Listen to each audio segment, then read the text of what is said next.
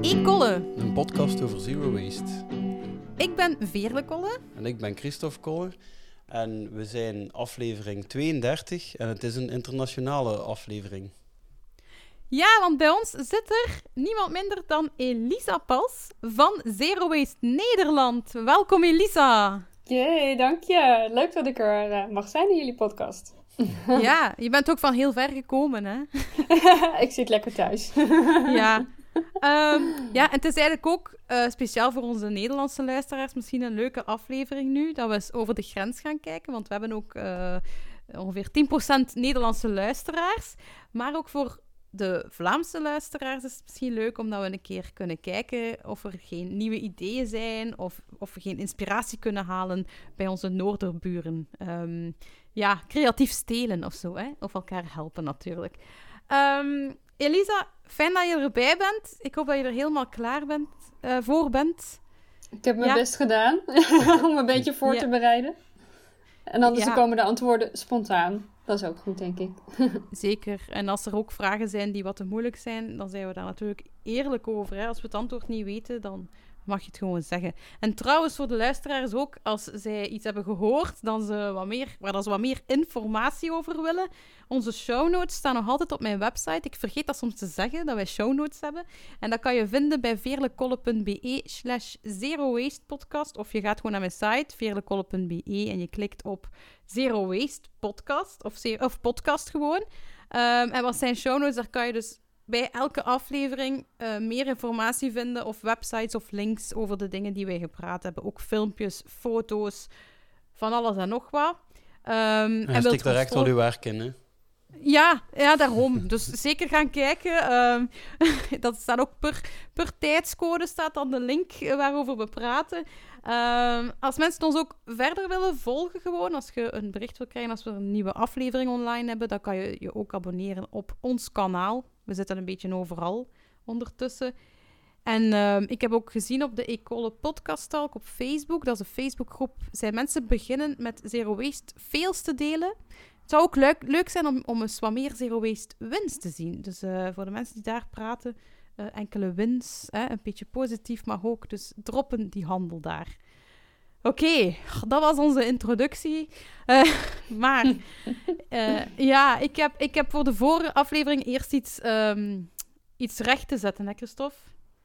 Ja, ja, um, had niet volledig ja. juist uh, gezegd. Ja, want uh, Eline had, um, ze wou graag een alternatief voor True Earth. Of ze vroeg zich af of dat ecologisch was. En True Earth, dat zijn zo... Elisa, ik weet niet of je dat kent. Dat zijn um, soort papiertjes die je bij je was doet. Om dan de was te doen op een ecologische manier. Maar daar zitten een paar... Ja, je kent het niet? Nee, nee, zeg mij niks. Nee, wel, ik kende het wel omdat ik er al reclame van had gezien op uh, Instagram en zo. Maar het is niet zo ecologisch. En ik had dan aan uh, Eline gezegd van ja, er is ook ecopots of een Belgisch alternatief daarvoor. Maar blijkt dat ecopots, dat is ook zo, dat zijn zo oplosbare dingetjes in water. Dan heb je een... een die ken ik wel. Die kende? Ah, tof.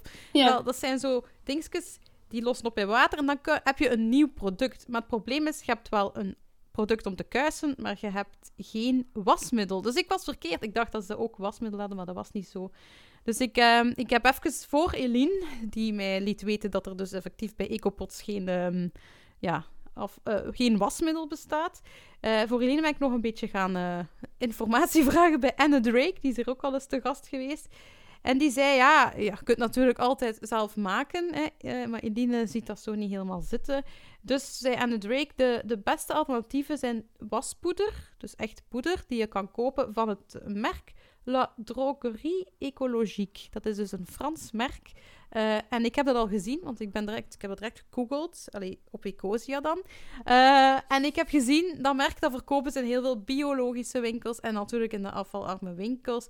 Dus Eline, als je eens naar De One gaat in Gent, of uh, waar dat je ook in de buurt bent, zeker een keer naar vragen. Dat merk bestaat daar. En misschien kun je het zelf met je eigen potje ook meenemen. Want je hebt grote zakken daarvan ook. En dan moet je maar gewoon scheppen. Ik denk dat hij dat ook kent, Elisa. Je hebt dat waarschijnlijk... Van los waspoeder? Ja, het merk Drogoriek Ecologiek, dat zijn zo bruine zakken. Frans. Nee, ehm, ja? maar we komen daar zo meteen nog wel op. Wij hebben heel weinig van dat soort winkels waar we dat kunnen oei, kopen. Oei, oei, ja, ja, ja, wacht. Ja, daar gaan we het straks inderdaad over hebben. Jullie doen het anders. Ja, inderdaad. Super interessant. Voor straks.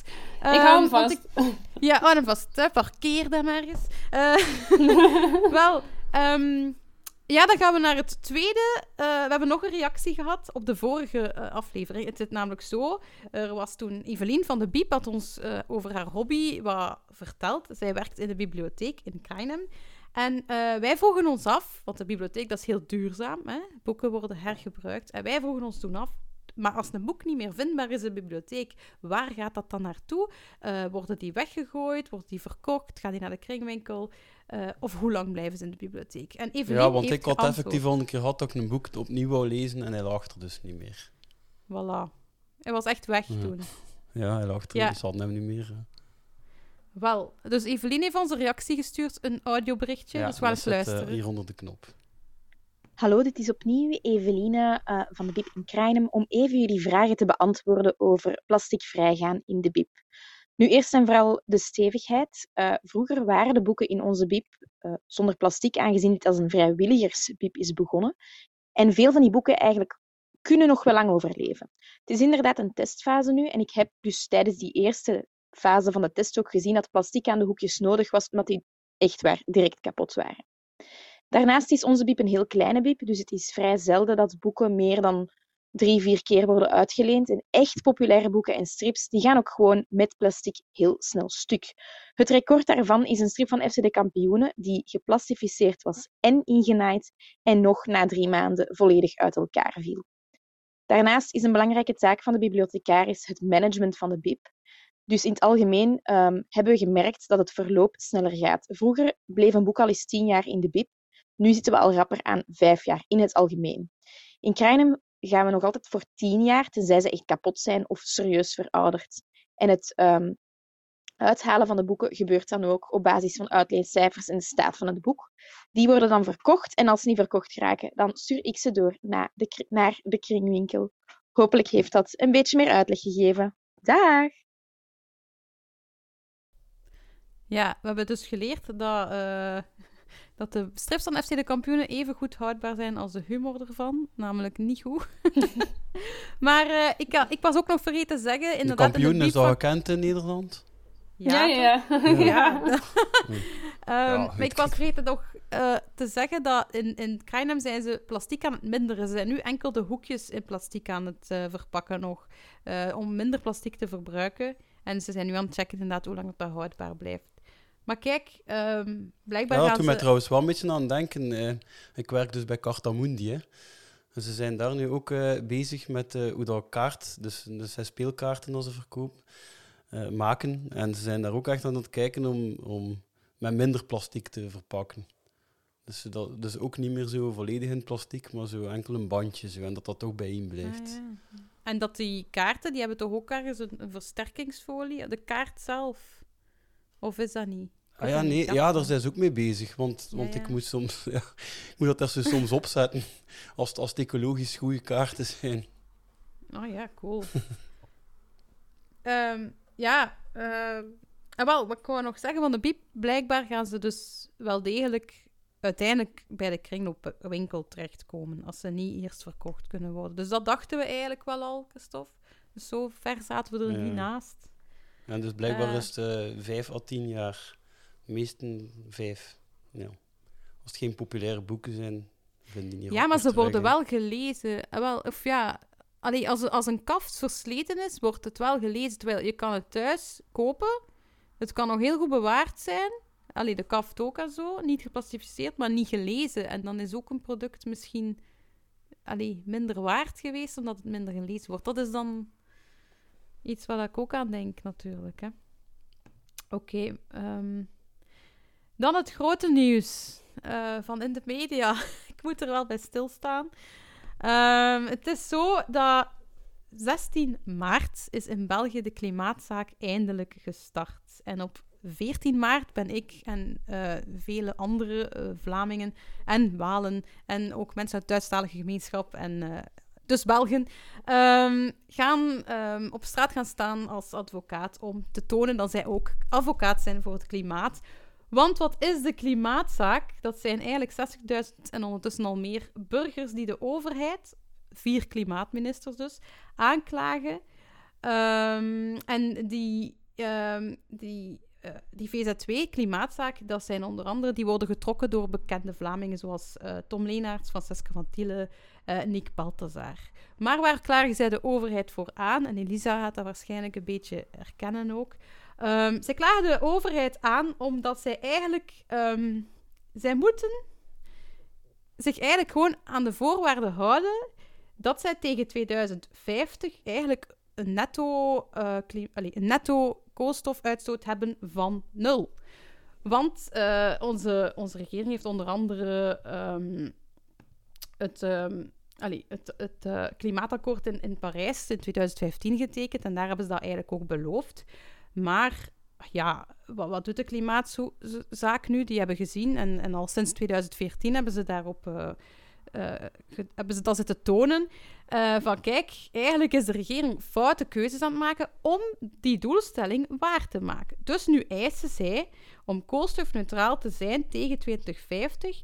En, ze hebben dat een beetje berekend, um, tegen um, 2025 moet er um, minstens 42% verminderd zijn ten opzichte van 1990. En in 2030 moet er minstens 55% verminderd zijn ten opzichte van 1990. Waarom 1990? Omdat, hè, dat is gelijk thuis, als je chauffage aanzet, dat duurt even tegen dat dat warm is. De warmte die we nu voelen, is eigenlijk van 1990 ongeveer. Hè. Het is niet, ik kan dat niet officieel uh, bewijzen, maar het komt een beetje overeen. Dus um, dat is eigenlijk de eis van die klimaatzaak. En die is nu eindelijk begonnen. Um, de VZ2 Klimaatzaak zegt ook van kijk, wij hebben geen bewijzen dat onze regering hier zijn best voor doet. Ze maken de foute keuzes, dus ze zoomen ook tijdens dat proces in op foute keuzes die ze hebben gemaakt. Bijvoorbeeld, fossiele brandstoffen krijgen nog steeds subsidies. Uh, en sinds 2014 is er in België geen daling meer geweest van de broeikasgassen. Ondanks, ondanks de uh, ook vele investeringen in groene energie en hernieuwbare energie zijn er toch nog steeds uh, ja, veel broeikasgassen. Dus dat moet eigenlijk sneller gaan, die transitie. En uiteraard, die hernieuwbare energie moet meer gesteund worden. Um, natuurlijk wil de klimaatzaak geen... Allee, die wil liever niet dat, dat, allee, dat die um, regering, als ze niet slagen, uh, moeten ze eigenlijk 100.000 euro dwangsom per maand betalen. En de, de klimaatzaak wil eigenlijk niet dat dat moet gebeuren, maar ze moeten wel iets hebben om druk te zetten op de regering natuurlijk. Nu, we hebben wel hoop, want er zijn al drie landen waar dat, dat is uh, gelukt, dat die een soortgelijke klimaatzaak begonnen zijn. Uh, en één ervan is Nederland geweest met de zaak Urgenda. ja, ja we daar ook toe komen natuurlijk ook. Um, en um, dan vraag ik mij af, Elisa, nu dat je dat hebt meegemaakt, zijn er al gevolgen van bij jullie? Is dat, jullie zijn gewonnen, dus jullie Urgenda-zaak heeft, uh, is, is gewonnen. Mm, ja, uh, en dat was een, een groot succes ook voor Urgenda en de advocaten die zich daarmee hebben bezig gehouden. Um, Alleen merken we dat nog heel weinig in de politieke beslissingen die genomen worden. En uh, daar maak ik en nog heel veel uh, mensen met mij uh, ja, daar, zich daar best wel zorgen over. Ja. Um, gisteren mochten wij opnieuw stemmen. en, en vandaag is ook. vandaag werd heel Nederland wakker met de uitslagen van die verkiezingen. En de partijen die zich hard maken voor echt het in praktijk brengen van klimaatbeleid, die uh, hebben het niet zo goed gedaan. Um, dus ja, het is heel erg uh, de vraag in hoeverre dat uh, die klimaatafspraken gehaald kunnen gaan worden als daar niet de politieke beslissingen aan gekoppeld worden. Dus, dus ja, ik denk dat dat best een hele moeilijke zaak gaat worden de komende tijd. Ja. Ja, want het is ook zo dat het over de verschillende regeringen zou gaan. Dus ook als een nieuwe regering komt, blijft dat gelden. Ja. Ja. Dat klopt, hè? Ja, ja, ja dus... zeker. Ja, dat zijn langetermijn um, ja, uh, doelstellingen waar, waar ja. alle landen zich aan verbonden hebben. En, um, ja, en wij dus ook. Ehm, maar ja, daar moet, dat moet wel in de, in de uitvoering gebracht worden. En uh, ik, ik vraag me af of het voldoende prioriteit gaat hebben de komende tijd. Ja. Ja, het is wel spannend met corona ook.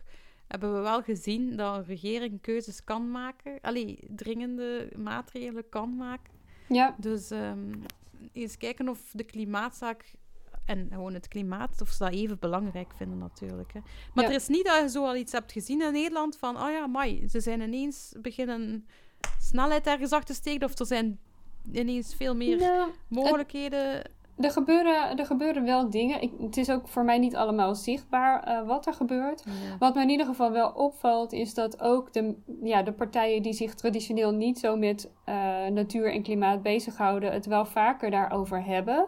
Dus ah, het wordt wel uh, meer ja, geïntegreerd zeg maar, uh, in het politieke debat. En het is niet alleen maar meer dat de linkse of de groene partijen klimaat en natuur op de kaart zetten. Mm -hmm. um, maar ja, het, het, um, het, wordt wel een lastig verhaal als er bijvoorbeeld financiële consequenties aan iets verbonden moeten worden. Um, ja. Nog steeds houdt onze regering bijvoorbeeld KLM uh, ja, uh, inleven, om maar zo te zeggen. Hè? Dus, uh, ja. ja, ja, ja, ja. KLM is de Koninklijke Luchtvaartmaatschappij. Ja, ja. ja oké. Okay. maar ook andere grote, ja, echt wel vervuilende bedrijven krijgen best wel veel steun van, van de overheid om, om te blijven staan. dat heeft natuurlijk ook met nou ja, financiële stromen te maken, met werkgelegenheid. Um, en, en het, um, het klimaat uh, argument hè, van ja, misschien doen die bedrijven niet zulke hele goede dingen voor het milieu. Uh, ja, dat weegt daarin gewoon niet zo heel hard mee. Dus um, ja. Er, moet, uh, er moet nog veel gebeuren. En het is ook taak aan ja, nu dus de groene partijen in de oppositie om dat op de kaart te blijven zetten. Ja. ja. Ja, wat mooi is, we spreken nu van groene partijen, links en rechts, maar eigenlijk ook dat wil de klimaatzaak aankaarten van ongeacht uw politieke partij moet je bezig zijn met de toekomst eigenlijk, hè, met, de, met de mensen in de toekomst. En een van de dingen dat zij ook zeggen van, ze gebruiken ook de rechten van de mens en vooral de rechten van het kind daarvoor, om te tonen van, eigenlijk zijn als je daar niks aan doet, mensenrechten aan het, uh, ja, aan het schenden in België. Hè? En uh, in Nederland destijds ook. Uh, hopelijk nu niet meer. Uh, dus dat is een van de dingen die ze claimen. Maar dan zegt natuurlijk de andere, uh, de, hoe zeg je dat? De, de nee, degene die dus niet advocaat is, maar ja, de andere, de, de aanklager. Dank u. Is de, jawel, Openbare nee, aanklager, nee? Nee, de klimaatzaak is de aanklager, hè? Enfin, dus de advocaten van, de, van onze overheid, die zeggen dan... ik ben echt geen goede rechtszaakpersoon. Uh, die zeggen dan, ja, uh, de rechten van het kind, allemaal goed en wel, maar je hebt het hier over rechten van mensen die nog niet bestaan en die hebben ook nog geen rechten. Dat is dan waar dan zij op duiden. Uh, nu, de klimaatzaak sleept eigenlijk al aan van 2014. Hoe dat komt, dat dat zo lang heeft geduurd, dat dat op de kaart, allee, dat dat effectief van, in, uh, van start gaat, dat is omdat het heel vaak is uitgesteld geweest omwille van een discussie. Ja, maar in welke taal gaan we dat doen? Uiteraard, we leven in België. Maar ook Joke Schouwvliegen... Uh, Ja, zo is het. Joke, Sorry.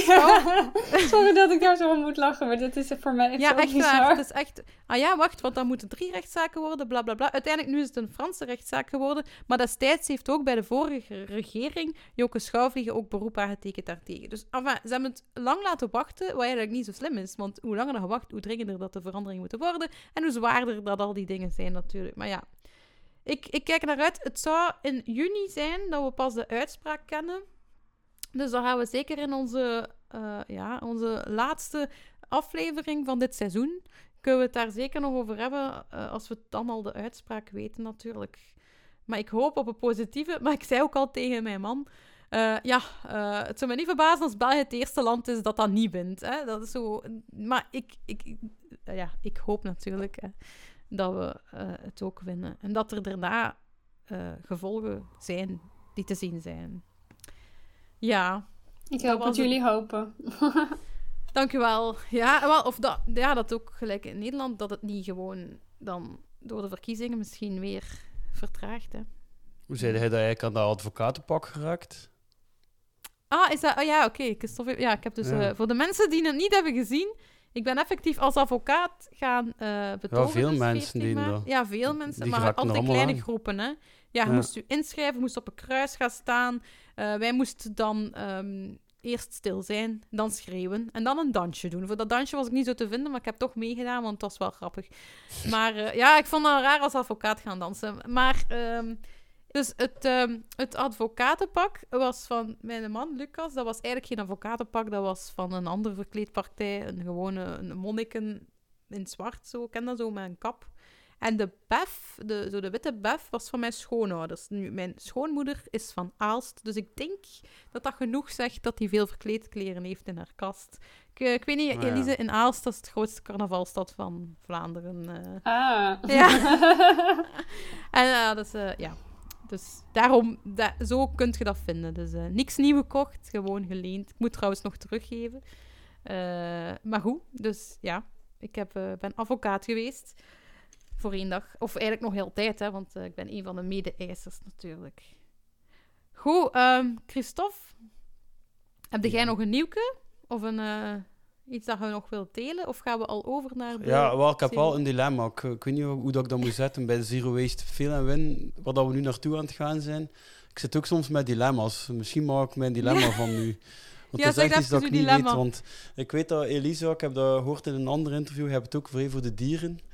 Een zwak voor dieren. Ja, ja. Als ik het juist heb, ja.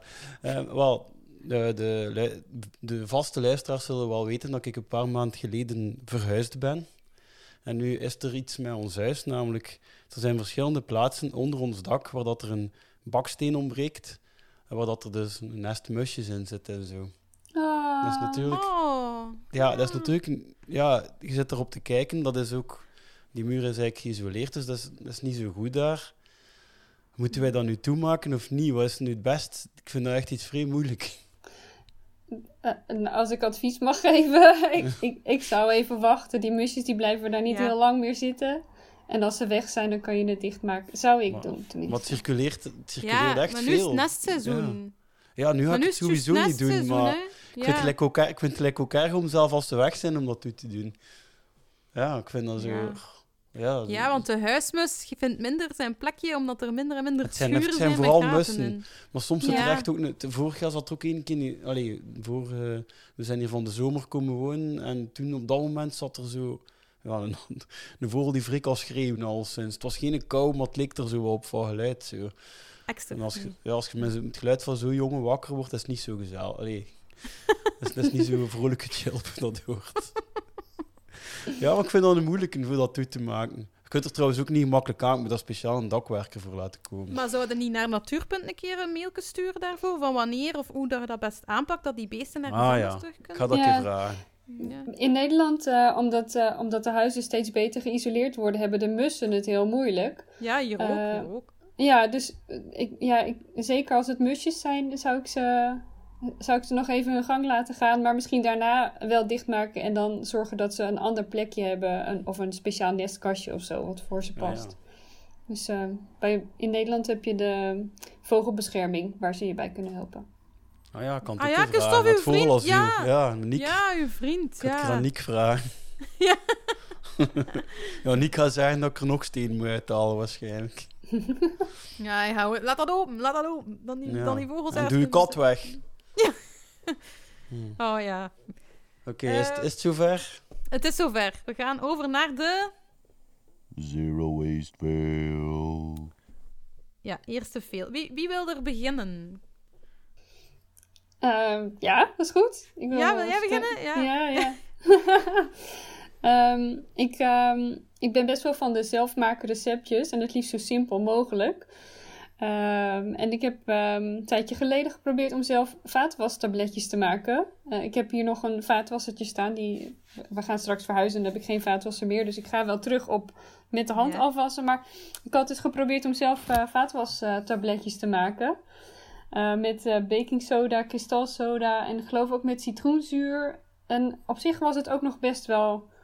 Ik kon het zelfs ook nog in een vormpje uh, gieten. En dat het ook nog in, in, ja, mooi bij elkaar bleef, zeg maar. Maar toen ik Ja. het in de vaatwasser deed, toen... En het werkte niet en mijn afwas werd helemaal dof. En Uh, dus dat was uh, één keer, maar niet meer. dus nu zit ik met een voorraad van dat poeder wat ik bij elkaar gegooid heb, waarvan ik denk. Mm. Daar kun je niets meer mee doen. Of... Ik denk dat ik uh, ja, misschien nog wel bijvoorbeeld pannen mee kan laten weken of zo. Ja, of bijvoorbeeld als je gewoon de, de was doet met de hand en je doet daar een beetje in dat water. Zou dat niet kunnen oplossen dan? Of is dat vies? Ik weet het niet. Ik heb... mm, ik, ja, ik denk dat het wel zou kunnen. Maar ik ben eh, een beetje een luie huisvrouw. Ik doe niet zo vaak handwasjes. ja. maar je gaat verhuizen en je gaat geen vaatwas meer hebben. Dus je gaat het wel... Uh... Ah ja, met de hand afwas. Ja, oké. Ja. ah, ja, heb ik, uh, heb ik het... Ja, misschien was het een, een, een taalvariatie of zo.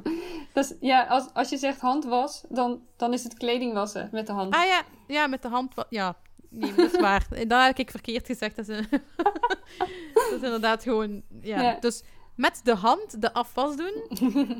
ja. ja. dus dat zou misschien nog wel kunnen. Dat, dat ga ik nog wel proberen. Maar het, het duurt wel even voordat ik er doorheen ben, denk ik. Ja. dus dat was niet zo handig. Oké. Uh, de volgende. Um, mag ik, uh, Christophe, mijn zero waste veel? Ja. Uh, mijn veel, het is een grote eigenlijk. Want dit is een heel jammere en ik heb er heel veel stress door. En mensen gaan dat merken misschien aan Instagram. Enfin, dat er daar niet veel nieuws voor gepost, want ik heb geen tijd. Maar het is namelijk zo dat mijn computer, mijn Mac, mijn iMac, eh, is uh, toch al even van 2014, denk ik, um, oud. En um, ja, ik heb uiteindelijk, ik had een update wel een tijdje uitgesteld, omdat ik wist van dat kan misschien problemen geven, want het gaat trager gaan. Maar op een bepaald moment vroeg, vroegen mijn programma's ook om de Mac te up-to-daten. En dus heb ik dat toch gedaan. En ik heb dan een update gedaan. En nu zijn er eigenlijk alleen nog maar 16 bits programma's die er kunnen opstaan. En voordien kon dat ook met 32 bits. Dus wat gebeurt er? Dus programma's is software, dus dat is nu niet echt het probleem. Uh, ik kan dat overschakelen, ik kan programma's wisselen. Um, wacht, want ik heb hier wat nerdtalk opgeschreven. Hè. Ja, en ik kan ook voor mijn Mac, omdat die nu wat trager gaat, kan ik die upgraden. Ik kan wat meer RAM bijkopen, dus dan gaat die nog even meegaan. Dus dat is niet allemaal een probleem. Maar programma's waar ik veel mee werk zijn enorm aangepast doordat ze overgeschakeld zijn naar 64 bits. Adobe, Microsoft Office, iedereen kent dat wel. En het belangrijkste is, um, ik weet niet of jullie Wacom kennen. Dat is een, een, een merk dat al heel al jarenlang samenwerkt met Mac en uh, Adobe en die maken tekentablets. Tekenen doe ik vaak digitaal op zo'n tablet. En ik heb een heel oud tablet, die werkt nog perfect. Dat is een Intuos 4 voor de kenners. Um, en ik heb gelezen, nu met deze huidige update, werkt het nog net, want maar de Intuos 3 werkt al niet meer. Wat gaat er dus gebeuren bij de volgende update? Ik ga een perfect werkende tekentablet niet meer kunnen gebruiken. Ik ga die moeten wegdoen hopelijk aan iemand doorgeven. En ik ga dan een nieuwe, en daar komt eigenlijk de fail. Ik ga een nieuwe tablet moeten kopen die ik eigenlijk niet had moeten kopen als Mac die update niet had toegelaten. En dan maak ik mij kwaad, want ik ben uh, een iMac-fan eigenlijk. Ik werk al sinds het middelbaar uh, met Mac. Um, omdat, ja, op de grafisch onderwijs had dat ook allemaal. Dus ik ben daar zo in gegroeid en ik ben daar eigenlijk echt zo gewoon aan.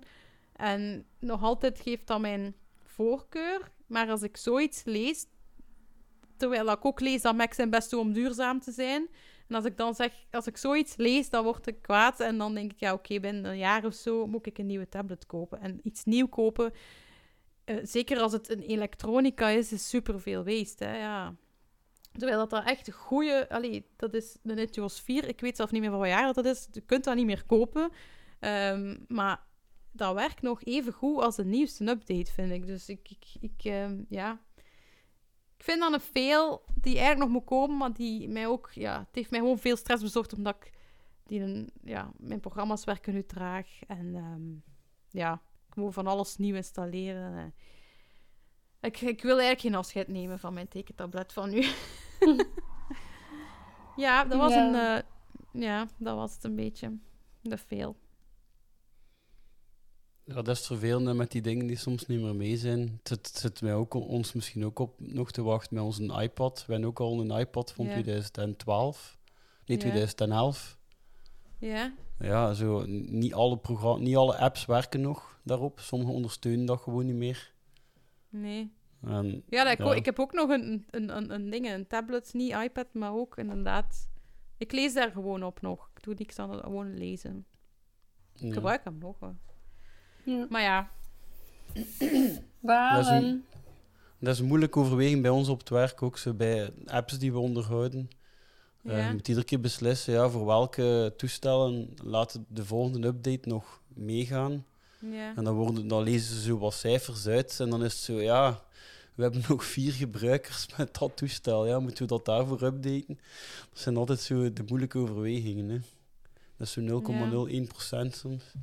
Ja, maar ik hoorde ook, want ik heb een paar Mac-specialisten gebeld bij mijn problemen en mijn upgrades hier. En ik hoorde ook van eh, een, eh, iemand van eh Nele Kolle, haar team, hè, ons zus, haar team, die, die is gespecialiseerd in computers opruimen eigenlijk, voor als je problemen krijgt. En die zei ook van ja, ehm, bedrijven, echt IT, ja, bedrijven die met Macs werken, die gaan om de twee jaar allemaal nieuwe Macs kopen. Om de twee jaar. En je betaalt eigenlijk voor je gebruik dan, in plaats van voor eh, de duur van dat toestel. Dus het gebruiksgemak. Man, eh, ja. Dus ja, Ja, ja dat was een grote. eh, ja, dat was. Ah, ik heb nu een kleinere Ja. eigenlijk nu. Ah, oké. Het is echt een vrij nieuws, maar misschien wel een herkenbare. Dat ik dus eh, naar de winkel was gegaan, enkel voor een zak appelen. Dat ging. Dus het was onderweg naar het werk en we hadden geen appels meer. Ik wou twee appels eten op het werk. Ja. Een van de weinige keren dat ik nog naar het werk ga, want ik eh, sta al bijna 100% telewerk. Heel af en toe ben ik nog een keer op kantoor. En ja, in mijn fietszak, die ik buiten had gelaten, zat mijn zakje voor de appels. En ik stond daar en dan, oh nee. En normaal gezien vind ik dat totaal geen probleem om gewoon naar buiten te lopen om dat zakje. Maar met al die corona-ritueeltjes die je moet ondergaan, Ja, als Ja. ik echt zo, nee. ja, wat, je moet een kar nemen en dan, ja, Ja. je staat dan Ja. binnen met je kar. Ja. ja.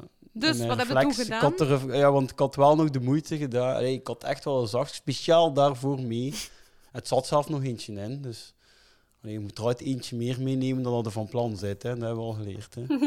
Want het kan altijd één iets per ongeluk. Ik had dat dan Ja, toch ja. niet bij. En het waren papieren zakjes die ze hadden. Dus Ja. dan heb ik toch maar dat papieren zakje genomen. Ik, Ik had vind dat ze- kunnen... Ja, Ja, ik, ik vind dat ze tegenwoordig weer veel strenger zijn met corona. Allee, ja. En kun je ze niet gewoon eh, los op de band leggen? Ehm, dat Stel ik eh, hele moeilijke vraag. Ja, ik had er iets, ik er iets te veel. Nee, ik, ja, ik ging er twee opeten, maar ik ging er dan meer. Ja, eigenlijk, dat is eigenlijk een goede vraag. En de sticker. Dat doe ik eigenlijk ook soms. Ik toon soms de sticker gewoon op mijn vinger. Ja, nee, het is waar. Nu niet, nu dus doe ik nu het. is het zeker, nu is zeker een veel. Ja, als ik, ja.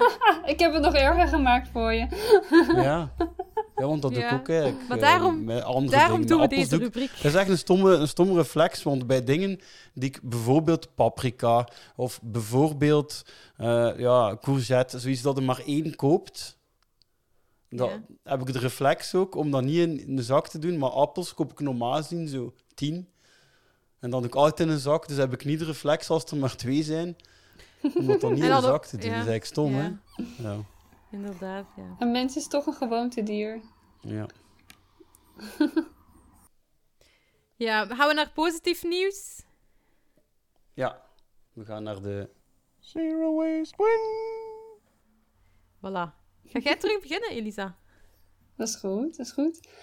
Ehm, ja, als, ehm, als je me vraagt van, ja, wat, wat zijn de zero waste wins? Nou, voor mij zijn er, zijn er heel veel. Er, er, ja, er, er valt zoveel te winnen eigenlijk met, eh, met de zero waste leefstijl. Als ik alleen al kijk naar nou ja, alle s- leuke sociale contacten die ik ermee heb opgedaan. En de ook community die er omheen zit. En ehm, ik heb ontdekt dat ik schrijven heel erg leuk vind en, eh, en dat ik dat ook op een positieve manier kan inzetten. Maar als het gaat om iets actueels, dan ehm, is het feit dat we gaan eh, verhuizen naar kleiner. Naar, eh, eh, ja, de, we wonen hier nu, of tenminste, ik heb mijn eigen appartement, mijn vriend heeft zijn eigen appartement, maar we gaan nu ook samen wonen. En we moeten van heel veel spullen af. Ja, ontspullen! Ja, en, en dat doe ik op een manier waar ik echt probeer te voorkomen dat ik iets moet weggooien. Dus ik ben dingen aan het verkopen, maar ook aan het weggeven. en dat lukt Mhm. eigenlijk best wel aardig. En, ehm, en eh, dus een van de wins is dat ik al heel veel heb weg kunnen geven via allerlei groepen op Facebook. Eh, soms hele specifieke groepen. Ehm, en eh, ja, en dat, dat is eigenlijk wel heel erg leuk. Dus, ehm, dat, Zeg je zo'n specifieke groep? Nou, bijvoorbeeld, ehm, eh, ik, eh, een van mijn hobby's is fotografie. En dan heb ik wat fotografiespullen of boeken. Ja. Ehm, Ja. En, ehm, en ja, als ik die weggeef op een gewone weggeefgroep, dan zitten heel veel mensen, ja, die, die kennen dat niet of die zitten daar niet op te wachten. Dus dan ga ik naar bijvoorbeeld eh, specifieke groepen die gaan over fotografie en dan bied ik het daar aan. En op die manier kun je dus specifiek de mensen vinden die interesse hebben in datgene wat jij dan weg te geven hebt. Dus ehm, ja, een beetje slim gebruik maken van die groepen, dat heeft me al, al, al heel erg geholpen. Ja. Dus zo. Ja, maar dat is wel slim, want ik, zit, ik ben ook een beetje de zolder aan het opruimen. En ehm allee, dan, dan was ik ook bezig. Soms vind ik daar spullen en dan zit ik gewoon in een geefgroep. Maar het is inderdaad veel slimmer om te denken, ah, dat is iets van een computer. Ik ga dat in een andere specifieke Ja, die moeten we ook weer ja. opzoeken. Ja. Ja, dat moet ik ook weer opzoeken. En bijvoorbeeld ook met eh, dingen voor de tuin, potjes of eh, gereedschap of eh, nou ja, dat soort dingen. Als ik daar wat van over heb, dan Ja. eh, zet ik het op specifieke groepen van mensen die zich daarmee bezighouden. Dat, eh, dat helpt heel goed. Ja. En je Ja, ik ben nog altijd op zoek naar grote stapstenen. Dus eh, bij deze, als er iemand aan te bieden heeft, een paar, ik zoek er nog een paar. Ja. Eh, ja, stuur een mailtje naar de Zero Waste Podcast gmail.com. Of Zero Waste Podcast gmail.com. Eh, maar ehm, ja, wat, ik ook nog wil zeggen. Wat ik wou nog iets zeggen, want ik had net iets. Ja, je gaat kleiner wonen. Eh, en heb je dat bewust gekozen van kleiner met minder spullen? Of is dat gewoon een huisje waar je verliefd op bent? Of nee, dat is, dat is bewust ook eh, kleiner. We Ja. willen ook met een kleinere footprint eh, leven. Ik woon nog niet zo groot, maar eh, nee, we gaan echt naar, naar klein. Met een kleine footprint, weinig spullen, weinig verbruik. Dus Ja. zo duurzaam mogelijk leven. Ja, ik vind het wel belangrijk om... Heel veel mensen praten over duurzaamheid. En heel veel gaat over bewustwording rondom duurzaamheid. En uiteindelijk denk ik dat al dat praten en bewust worden... Mhm. eh, misschien wel deels belangrijk is, maar uiteindelijk gaat het om wat mensen doen. Uiteindelijk is het Ja. gedrag wat telt. En, Ja. eh, dus ik vind ook eh, dat ik het moet leven wat ik vertel. En dat hoort daar ook bij. Ja. We gaan naar een win. In ieder geval, ik ga over naar mijn win gaan. Ehm, ik heb deze maand bomen geplant. Ik vind dat een groot win. Niet zo ver achter mijn huis heb ik samen met ehm, drie andere mensen, want je mocht toen nog maar met vier mensen buiten zijn, eh, heb ik eh, 250 bomen op één voormiddag geplant. Eiken waren daarbij, eh, en er waren nog een paar soorten, de bessen, eh, krieken, zulke dingen. Ehm, en dat was samen met buumplanters. Ehm, en dat was eigenlijk nog van de Gordel, eh, het Gordelfestival. Elke kilometer die daar gewandeld of gelopen is, ehm, dat ging naar buumplanters om bomen te planten. En je mocht je dus opgeven om dat mee te doen. Ik zag, hé, hey, dat is een, pla- plaatsje net achter mijn huis, ik ga meedoen. Nu, buumplanters.be, die planten bomen rond de Brusselse ring, hè, de groene rand eigenlijk. Dus voor mensen die nog bomen willen meeplanten in de Brusselse rand, eh, zeker naar Buumplanters, dus B-U-U-M-P-L-A-N-T-E-R-S, dus buumplanters.be, eh, eh, een keer surfen en kijken welke actie je kan meedoen. En naast het feit dat ik bomen heb geplant, en dus ja, in de toekomst worden dat grote bomen die dan minder CO2, eh, eh, die CO2 uit de lucht halen, Ehm, maar naast het feit dat ik dat gewoon heb gedaan, was dat een superleuke en leerrijke ervaring. Omdat ik nu ook weet wat natuurbeheer is. En als je bomen ziet gekapt worden in een bos, waarom dan ze dat doen en wat dat is. En sommige bossen kunnen ze en mogen ze wild laten. Maar van zodra dat daar een wandelpad is, is dat eigenlijk gewoon gevaarlijk. Of er kan bijvoorbeeld een boom op u vallen of, of iets anders. Dus daarom gebeurt er bosbeheer. Dus ehm, als je als mens wil genieten van de natuur, moet er inderdaad ook Ehm, ja, moet dat beheerd worden. Dus die meneer heeft zo alles uitgelegd en welke bomen dan goed zijn voor wat, eh, welke besjes die voor welke vogels zijn en zo. Dat was super gewoon, dat was super interessant. Dus ik vind dat nu ook leuk, ja, dat ik eh, daar wat van geleerd heb natuurlijk, hè. Dus ik vond wel een zero waste win. Ja. Ja. ja mijn, mijn win is een, eh, een beetje een klein feel-good verhaaltje. Eh, op het moment dat ik eh, was gaan we gaan zwerfvuil rapen.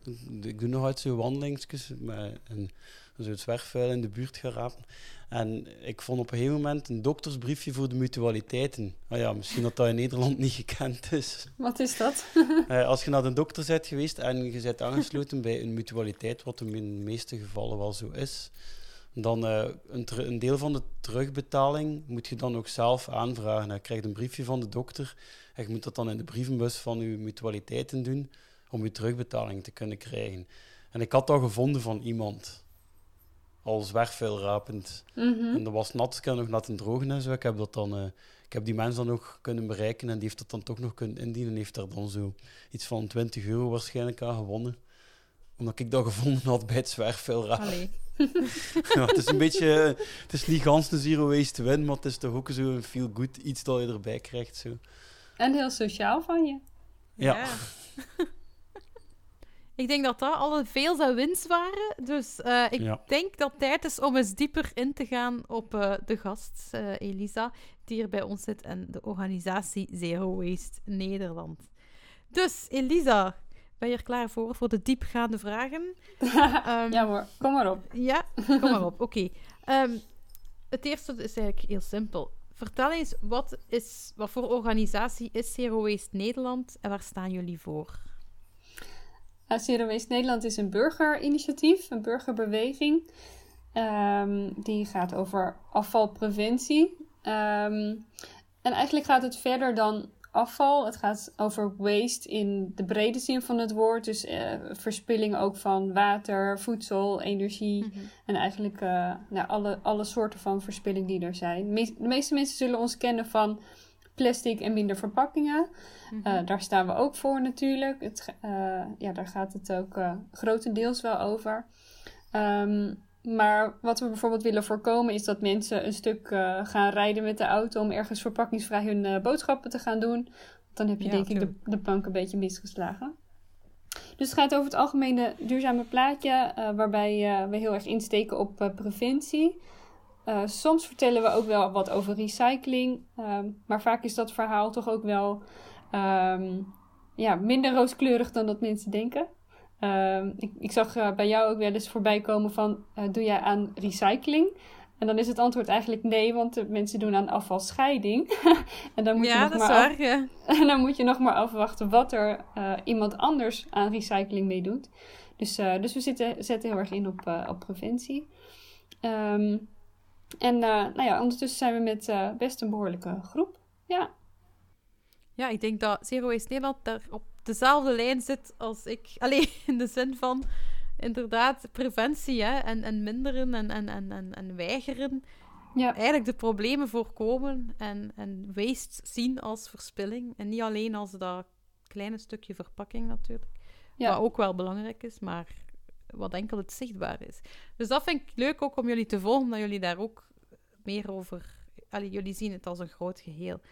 Maar goed, um, ik vind het wel leuk om nu een keer vragen te stellen, die, die ik soms ook zelf krijg, maar om dan een keer aan iemand anders te, te stellen. Ja, om ook, uh, om ook uw verhaal een keer daarachter te weten te komen. Um, wanneer en waarom kwam je op het idee om... om ja, wanneer kwam je op het idee om Zero Waste Nederlands op te richten en waarom? Um, ik ben in, uh, in 2015 uh, eh, begonnen, of ben ik in aanraking gekomen eigenlijk toevallig met Zero Waste. Um, ik, was, ik ben al heel lang vegetariër en ik doe al heel lang aan afvalscheiding. En, uh, dus ik dacht dat ik al heel duurzaam bezig was. Um, in 2015 had ik een medisch probleem en ik wilde eigenlijk ja, goed kijken wat zit er nou in mijn voeding om ervoor te zorgen dat ik gezond blijf. um, En daarbij kocht ik uh, dit boekje. Daar staat, uh, daar staat op wat zit er in uw eten. En dat gaat over alle E-nummers, alle toevoegingen die in je eten zitten. Uh, en daarmee liep ik door de supermarkt en bestudeerde ik dus alle etiketten van, van dat eten. Ja. Dus in dit boekje staan alle nummers beschreven met naam. En, uh, en ook dus met kleur van hoe veilig is dat nou eigenlijk. Ja, ik zie heel veel rood. In ja. ja, dat klopt. Ja, dus sommige dingen staat erbij uh, echt vermijden. Uh, sommige dingen zijn bijvoorbeeld in Australië dan verboden. of, in andere, of in andere landen verboden, maar in, de, in Nederland of in de Europese Unie nog niet. Ehm, dus ik, ik schrok daar heel erg van, van al die dingen, al die toevoegingen die in mijn eten zitten. En toen dacht ik, nou, dat ga ik gewoon niet meer doen. Ik ga uh, naar de markt en ik ga naar de tuin van mijn vader en ik ga gewoon vers mhm. koken en dan weet ik precies wat in mijn eten zit. En eigenlijk omdat ik heel bewust, ja, dus anders ging kopen en koken, um, produceerde ik zonder dat ik daarbij nadacht, minder, ja, de helft minder afval. Toen dacht, mhm. en toen begon ik me pas te beseffen van, hé, hey, dat stukje preventie, waarom heb ik daar eigenlijk nog nooit over nagedacht? Dus dat je door anders te kopen een ander ja, effect hebt op je, op je afval. En een vriendin, ik vertelde daarover tegen een vriendin. En zij zei: uh, Ja, ik heb uh, gehoord van, uh, van Bea Johnson, een Amerikaanse vrouw.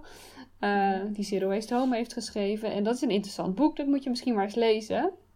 En dan, ik heb het boek gekocht en ik heb er 20 bladzijden of 25 bladzijden in gelezen. En toen dacht ik: Dit is het. ja, dit, ja. dit ga ik doen. Um, ondertussen, nou, vanaf begin 2016 ja, ben ik wel zo'n beetje zero waste geworden. Dus ik heb er ongeveer acht maanden over gedaan om uh, het afval in mijn leven een beetje ja, uit te faseren. Um, dus ik was al een tijd zo bezig. Um, in 2018, begin 2018, waren mijn vriend en ik in uh, Colombia. Uh, ondertussen vliegen wij niet meer, maar dat was toen onze laatste vliegreis. En we wilden onze reis afsluiten op een hele mooie, idyllische plek. En uh, wij, oh. kwamen, wij kwamen daar en het lag daar helemaal vol met plastic. En er woonde daar niemand, maar alles wat daar aan was komen spoelen, dat kwam dus vanuit de Caribische Zee. En dat stond eigenlijk symbool voor ja, hoe wij als mensheid met onze planeet omgaan. En dat eigenlijk dus die kraan dicht moet. Ja. Dus toen dacht ik, ja, ik, ik kan wel verder gaan met mijn eigen leefstijl verder te perfectioneren. Maar eigenlijk moeten we veel, met veel meer mensen zijn en moet die beweging uh, heel groot mhm. zijn. Dus toen kwamen we terug uh, thuis en na drie dagen heb ik besloten: oké, ik ga Zero Waste Nederland starten. En ik zie wel wat er van komt. En, uh, en ondertussen zijn we, ben ik lang niet meer alleen. Dus ja, we zijn, zijn echt een serieuze beweging. Ja, sorry, lang verhaal, maar dat was een beetje nee, de nee. Ja, super interessant. Dat, ja, ook omdat het is helemaal anders dan, dan bij mij eigenlijk. Omdat zo door anders te gaan eten, voor je gezondheid, zie je dan dat je minder verpakkingen hebt en ook lokaler kunt winkelen. Ja. Dus het gaat allemaal samen. we hebben een keer zo'n aflevering gehad met Martin Brenen over gezondheid. En dat, dat komt allemaal samen gewoon. Dus het is wel mooi om dat te zien. Ja. Um, en je zei dan dat je in acht maanden heb je gezegd van dan heb ik het meeste afval uit je, uit uw leven kunnen bannen. En wat, wat is dat dan zoal dat je kunt, kon in die acht maanden echt vermijden?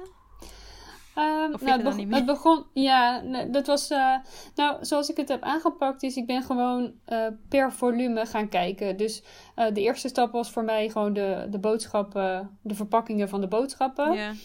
Um, en toen die zo'n beetje uit de prullenbak verdwenen waren, ging ik kijken wat, zit, wat is nu het meeste wat er nog in mijn prullenbak zit.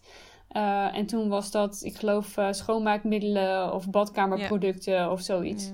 En toen ging ik daarmee aan de slag. En elke keer werd wat, ja, het volume wat er dan nog in zat, werd steeds kleiner. En daarvan pakte ik dan steeds wat dan op dat moment nog het grootste was. Ja. Um, en zo ging ik steeds verder uh, naar de details kijken. Wat, wat ik, en dat, dat, dat advies geef ik mensen ook altijd om het op die manier te doen. Omdat mensen anders de neiging hebben om zich heel erg blind te staren op die paar dingen die heel moeilijk zijn om te voorkomen. En sommige dingen zullen misschien ook niet te voorkomen zijn. Mhm. Ehm, en dan beginnen ze er niet aan, omdat ze van tevoren al weten dat ze niet perfect kunnen zijn. Ehm, maar dat is zonde, want je kan heel veel al wel bereiken door alleen maar de makkelijke dingen te doen. En, ja. Ehm, dus eh, dus uh, ja, ik raad mensen altijd aan, begin uh, gemakkelijk en begin met de grote volumes en kijk waar je eindigt. En, um, en je komt elke keer wel steeds een stapje verder. die grote volumes, dat is ook een goed idee, omdat je dan het meeste resultaat ziet in het begin. Hè? Je ziet snel gaan. Ja. ja. en dat zorgt ook voor, voor mij, ik werd er heel blij van, omdat je gelijk resultaat ziet. Ja. Het, heeft, het heeft gelijk effect. En um, ja, ik ben altijd van, uh, van het, het laaghangende fruit en, uh, ja, en vooral ook dingen doen waar je, waar je blij van wordt. En, voor mij werkte dat op die manier. Zo kon ik mezelf motiveren in ieder geval. Mhm. Ja. Ja, en um, over motiveren gesproken. Je hebt waarschijnlijk heel wat andere mensen al kunnen motiveren. Dat, dat, dat zie je ook aan de ja, hoeveelheid mensen die Zero Waste Nederland volgen en zo. Maar um, heb je iets al kunnen bereiken, echt, dat je, dat je gezien hebt dat je, hebt, dat je zoiets hebt van, dat was er vroeger niet in Nederland en nu kunnen we dat doen? Of nu gaan mensen daar anders mee om? Zie je daar een, een resultaat in? Ja, ja, ik denk dat er zeker wel een verandering uh, gaande is. Het, het, gaat een beetje ver om dat alleen aan mij en de beweging zeg maar toe te schrijven. Maar je ziet ook wel dat er veel meer maatschappelijke discussie is. Ja. Uh, zero waste is zeker een hele bekende term uh, in Nederland. Ik denk dat de meeste mensen wel begrijpen waar dat uh, ongeveer over gaat. Um, ik zie dat er heel veel bedrijven ook op zijn ingesprongen. door bijvoorbeeld zero waste aanbod aan te bieden. of dat ook als marketingtermen te gebruiken. Mm -hmm. Moet je natuurlijk wel de mensen een beetje kritisch houden van... Hm, in hoeverre is het greenwashing of is het echt duurzaam? Maar, maar, toch?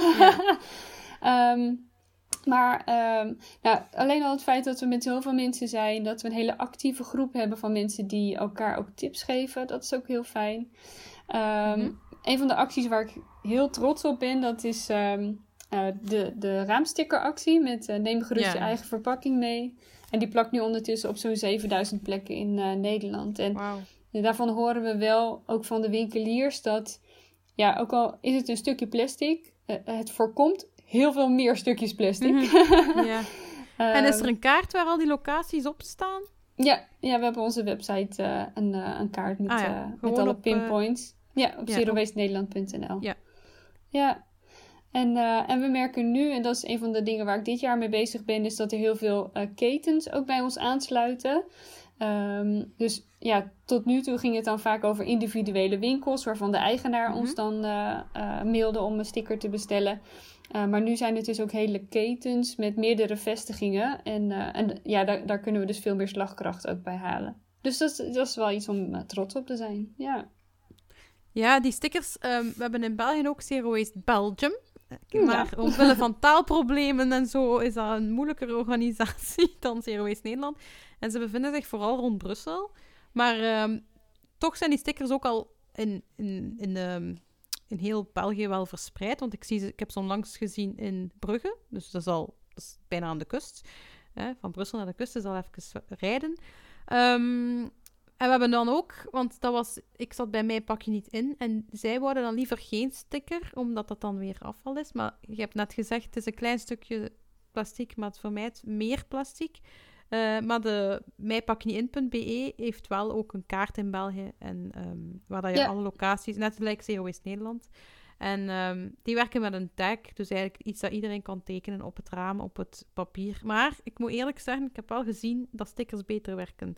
Ik moet dat eerlijk toegeven. Maar de kaart van mij pak je niet in, is dan weer beter dan de kaart met stickers. Dus uh, ja, eigenlijk moet een beetje een combo doen. Ja, ja, maar mij pak je niet in is, is, is Vlaams en, en Zero Waste Belgium is vooral Waals. En we zitten in België, dus er is een taalprobleem we hebben al een paar keer proberen samenwerken, maar, of wel samenvoegen, maar om een of andere reden lukt het niet zo goed, uh, omdat er ook steeds gewisseld wordt van mensen uh, bij Zero Waste Belgium. Dat is jammer, maar als er iemand luistert van Zero Waste Belgium, ik sta nog steeds open voor samenwerkingen. Want ja, nou ja, als ik, als ik zie hoe goed dat werkt in Nederland, dan ben ik daar wel jaloers op, snapte? Wat, wat het effect van de, van de stickers is, is dat um, ook de mensen die niet bewust daarmee bezig zijn, uh, getriggerd worden. Ja. want die sticker die plakt daar. Dus of je nou wil of niet met zero waste bezig bent, die sticker kom je tegen. En hoe vaker je hem ziet, hoe meer die ook gaat opvallen. Dus het, het maakt ook de minder bewuste klanten uh, alert ergens ja. op. En, uh, en zo kan de beweging ook groeien. In plaats van dat de mensen die er toch al mee bezig zijn, nog fanatieker worden. Nee, dat is ook nodig, maar het is. Ja, dat is waar. Om te groeien is het belangrijk dat ook de minder duurzame klanten uh, ermee aan de slag gaan. Ja, en hoe meer dan die dat ook zien, van ja, ah, hier hangt die sticker, dat, hoe meer dan ze dat zien, hoe meer dat ze bij hen denken, misschien moet ik dan een keer vragen wat dat is of zo. Ja. Dus uh, ja. ja, dat is, dat is het... Uh... Want ik moet wel zeggen, ik ben geen fan van stickers. Ik ben er nooit fan van geweest, maar als ik zie dat het, dat het goed werkt, dan ga ik dat ook wel zeggen, snap je? En ik zie dat het goed werkt en ik vind het ook een mooie sticker. We gaan er zeker een foto van op de site zetten. Het is echt mooi uh, ontworpen en zo. Ja, ik, ehm, ik, zal het compliment doorgeven aan de designer. Ja, doe maar, doe maar. Ja, um, wel, uh, je werd er net bezig ook met die over uh, bedrijven en organisaties. Um, hoe, krijg je, hoe begin je er eigenlijk aan om die mee te krijgen in je verhaal? Stapte jij naar die toe of naar de winkel? Of, of hoe, hoe gaat dat? Um, ja, zoals ik eigenlijk begonnen ben met is een, is een Facebookpagina om mensen tips te geven over hoe ze hun leefstijl kunnen aanpassen. Dat is heel erg gericht op de consument, dus op het, op het individu. Ja. En uh, pas later zijn we meer in aanraking gekomen, ook door die stickeractie met bedrijven. Um, en daarbij moet je niet vergeten dat de meeste consumenten die we bereiken ook um, ergens werken. Uh, mm -hmm. Of ook bijvoorbeeld gaan stemmen. En, uh, of misschien wel in de politiek actief zijn. Um, ja. Dus ja, dus um, een, een, individu, als je een individu bereikt, dan heb je ook daarmee indirect invloed op, uh, op bedrijven en op uh, ja, besluiten, hoe zeg je dat, de bestuurders. Um, dus, dus dat heeft allemaal wel verband met elkaar. Um, met die stickeractie zijn we natuurlijk wel specifieker gericht op, uh, op bedrijven, hè, op, op ondernemers die, zo, die een plek hebben waar dat ding kan, uh, kan plakken. Uh, maar ik denk dat het echt een samenwerking is tussen de, ja, zeg maar de politiek en de burger en bedrijven. En dat het niet alleen maar van één van die drie moet afhangen. En hoe meer we daarin kunnen samenwerken, hoe beter. Ja. Maar goed, er zijn nog genoeg ja. stappen te zetten. En we merken ook wel dat onze kracht ligt bij het activeren van de burger. Ja. ja. En um, heeft de coronacrisis eigenlijk invloed gehad op jullie acties en andere dingen? Ja, ja zowel positief als negatief. Ja. Um, het heeft uh, denk ik wel um, veel mensen bewuster gemaakt van hoe kwetsbaar we eigenlijk zijn als mens en hoe afhankelijk we zijn van de natuur. um, ja. En, uh, en hoe zuiniger we daar eigenlijk ook op moeten zijn. Ik denk uh, dat veel mensen ook doordat ze verplicht binnen zaten, misschien wel meer zijn gaan verlangen en meer gaan mm-hmm. waarderen wat die natuur eigenlijk voor ons is. En dat we daar dus ook goed voor moeten zorgen. Dus we hebben eigenlijk wel een behoorlijke toename gezien in uh, de belangstelling voor Zero Waste Nederland.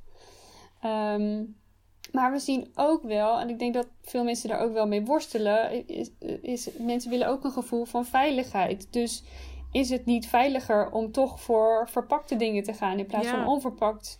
Uh, we hebben ook wel gehoord dat mensen bijvoorbeeld een broodje wilden kopen met een eigen broodzak en dat het geweigerd werd. Ja. Um, dus, uh, en, en bijvoorbeeld heel veel wegwerpmondkapjes. Hè, dat uh, zien we ook hier wel veel op straat. Um, dus er, het is een beetje tweeledig. ik denk dat de belangstelling voor zero waste wel gegroeid is, maar dat mensen ook wel meer, toch wat meer onzekerheden daar ook over hebben. Ja. Dus um, ja.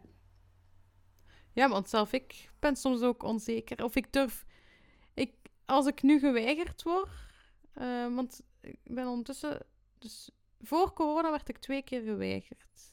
In, allee, voor corona ben ik twee keer geweigerd geweest. Voor de rest mocht altijd, ik was altijd vriendelijk. Maar nu, in het begin dacht ik, oké, waar het niet mag, daar ga ik niet meer winkelen. En in het begin deed ik dat, maar nu zijn we al zoveel verder dat ik dat toch wel een keer heb gedaan.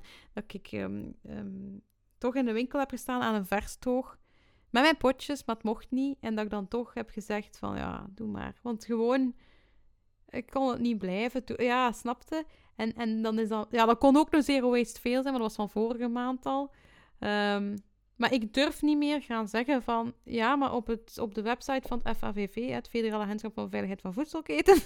daar staat dat het mag. Dat het eigenlijk wel kan. Het wordt wel niet altijd aangeraden, maar als je eigenlijk kunt... Niet over de toog, maar daarnaast. Enfin, ja.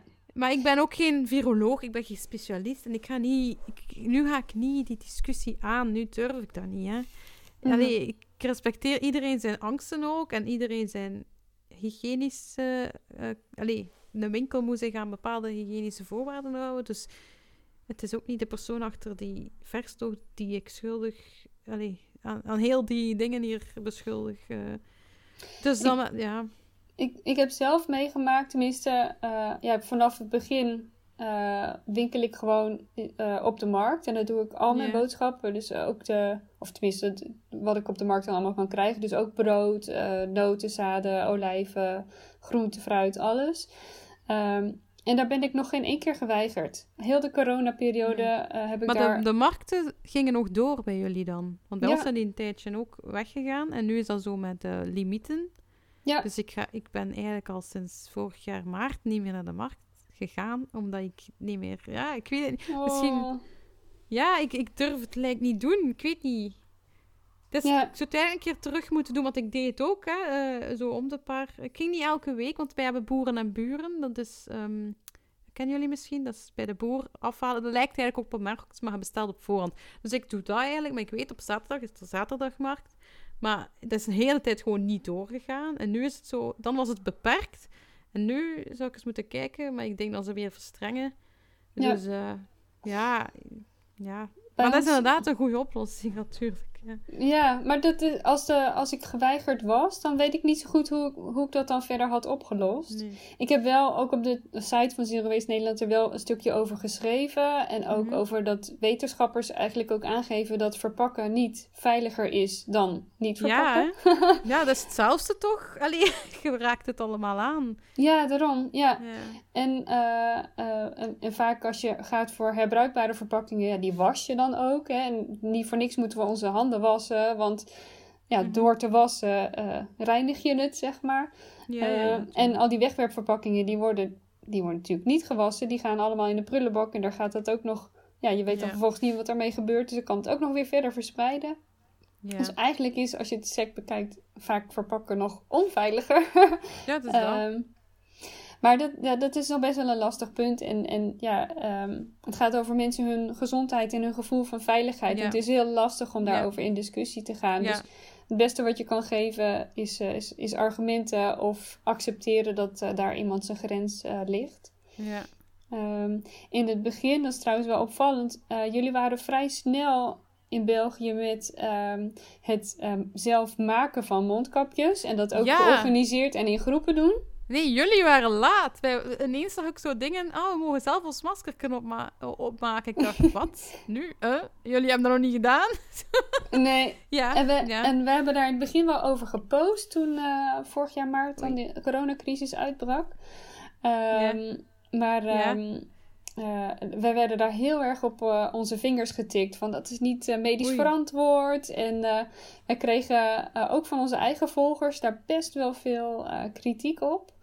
Dat is veranderd toen er vanuit de overheid werd gezegd van mondkapjes worden verplicht en je mag ze ook zelf maken. Ja. Um, toen veranderde de, de, discussie daar wel over. En nu is het eigenlijk nergens meer een probleem en worden ze ook uh, verspreid. Ja, maar nu wordt het in België een probleem, hè? Bij ons uh, moeten Ja, bij ja, ons is aan het draaien nu. Echt? Wij mogen op bepaalde, in bepaalde straten ook al moeten een, een ja, maar daar, gaan, daar zien ze nog een beetje door de vingers, maar uh, vooral bij bepaalde uh, binnen, dingen die binnen, zaken die binnen zijn, uh, moet je echt een medisch dragen. Ja, ik ben al een paar keer ja, een ja. ziekenhuis binnen moeten ja, gaan. Ja, ziekenhuis sowieso, hè? Ik werd, ik werd geweigerd met een... Allee, ik werd niet geweigerd, ik moest gewoon mijn uh, een ander. kapje afdoen ja. en ze, ze gaven mij een, ja. zo'n blauwke, hè, ja. No. Ja, ja, ja. ik, ik, heb ook alles... De reden is als ze niet kunnen controleren uh, of dat... Gewassen wordt of niet. Maar dan moeten ze eigenlijk gewoon alle kapjes weigeren en een nieuw geven. Ja. ja. Want, want die, die blauwtjes ja. die ook soms hangen in auto's nee. en al. Dus. Maar ik denk dat je in het ziekenhuis dat je altijd eentje krijgt van het ziekenhuis. Nu, ik ben ook in een ziekenhuis geweest en ik heb ook een wegwerpmasker aangedaan.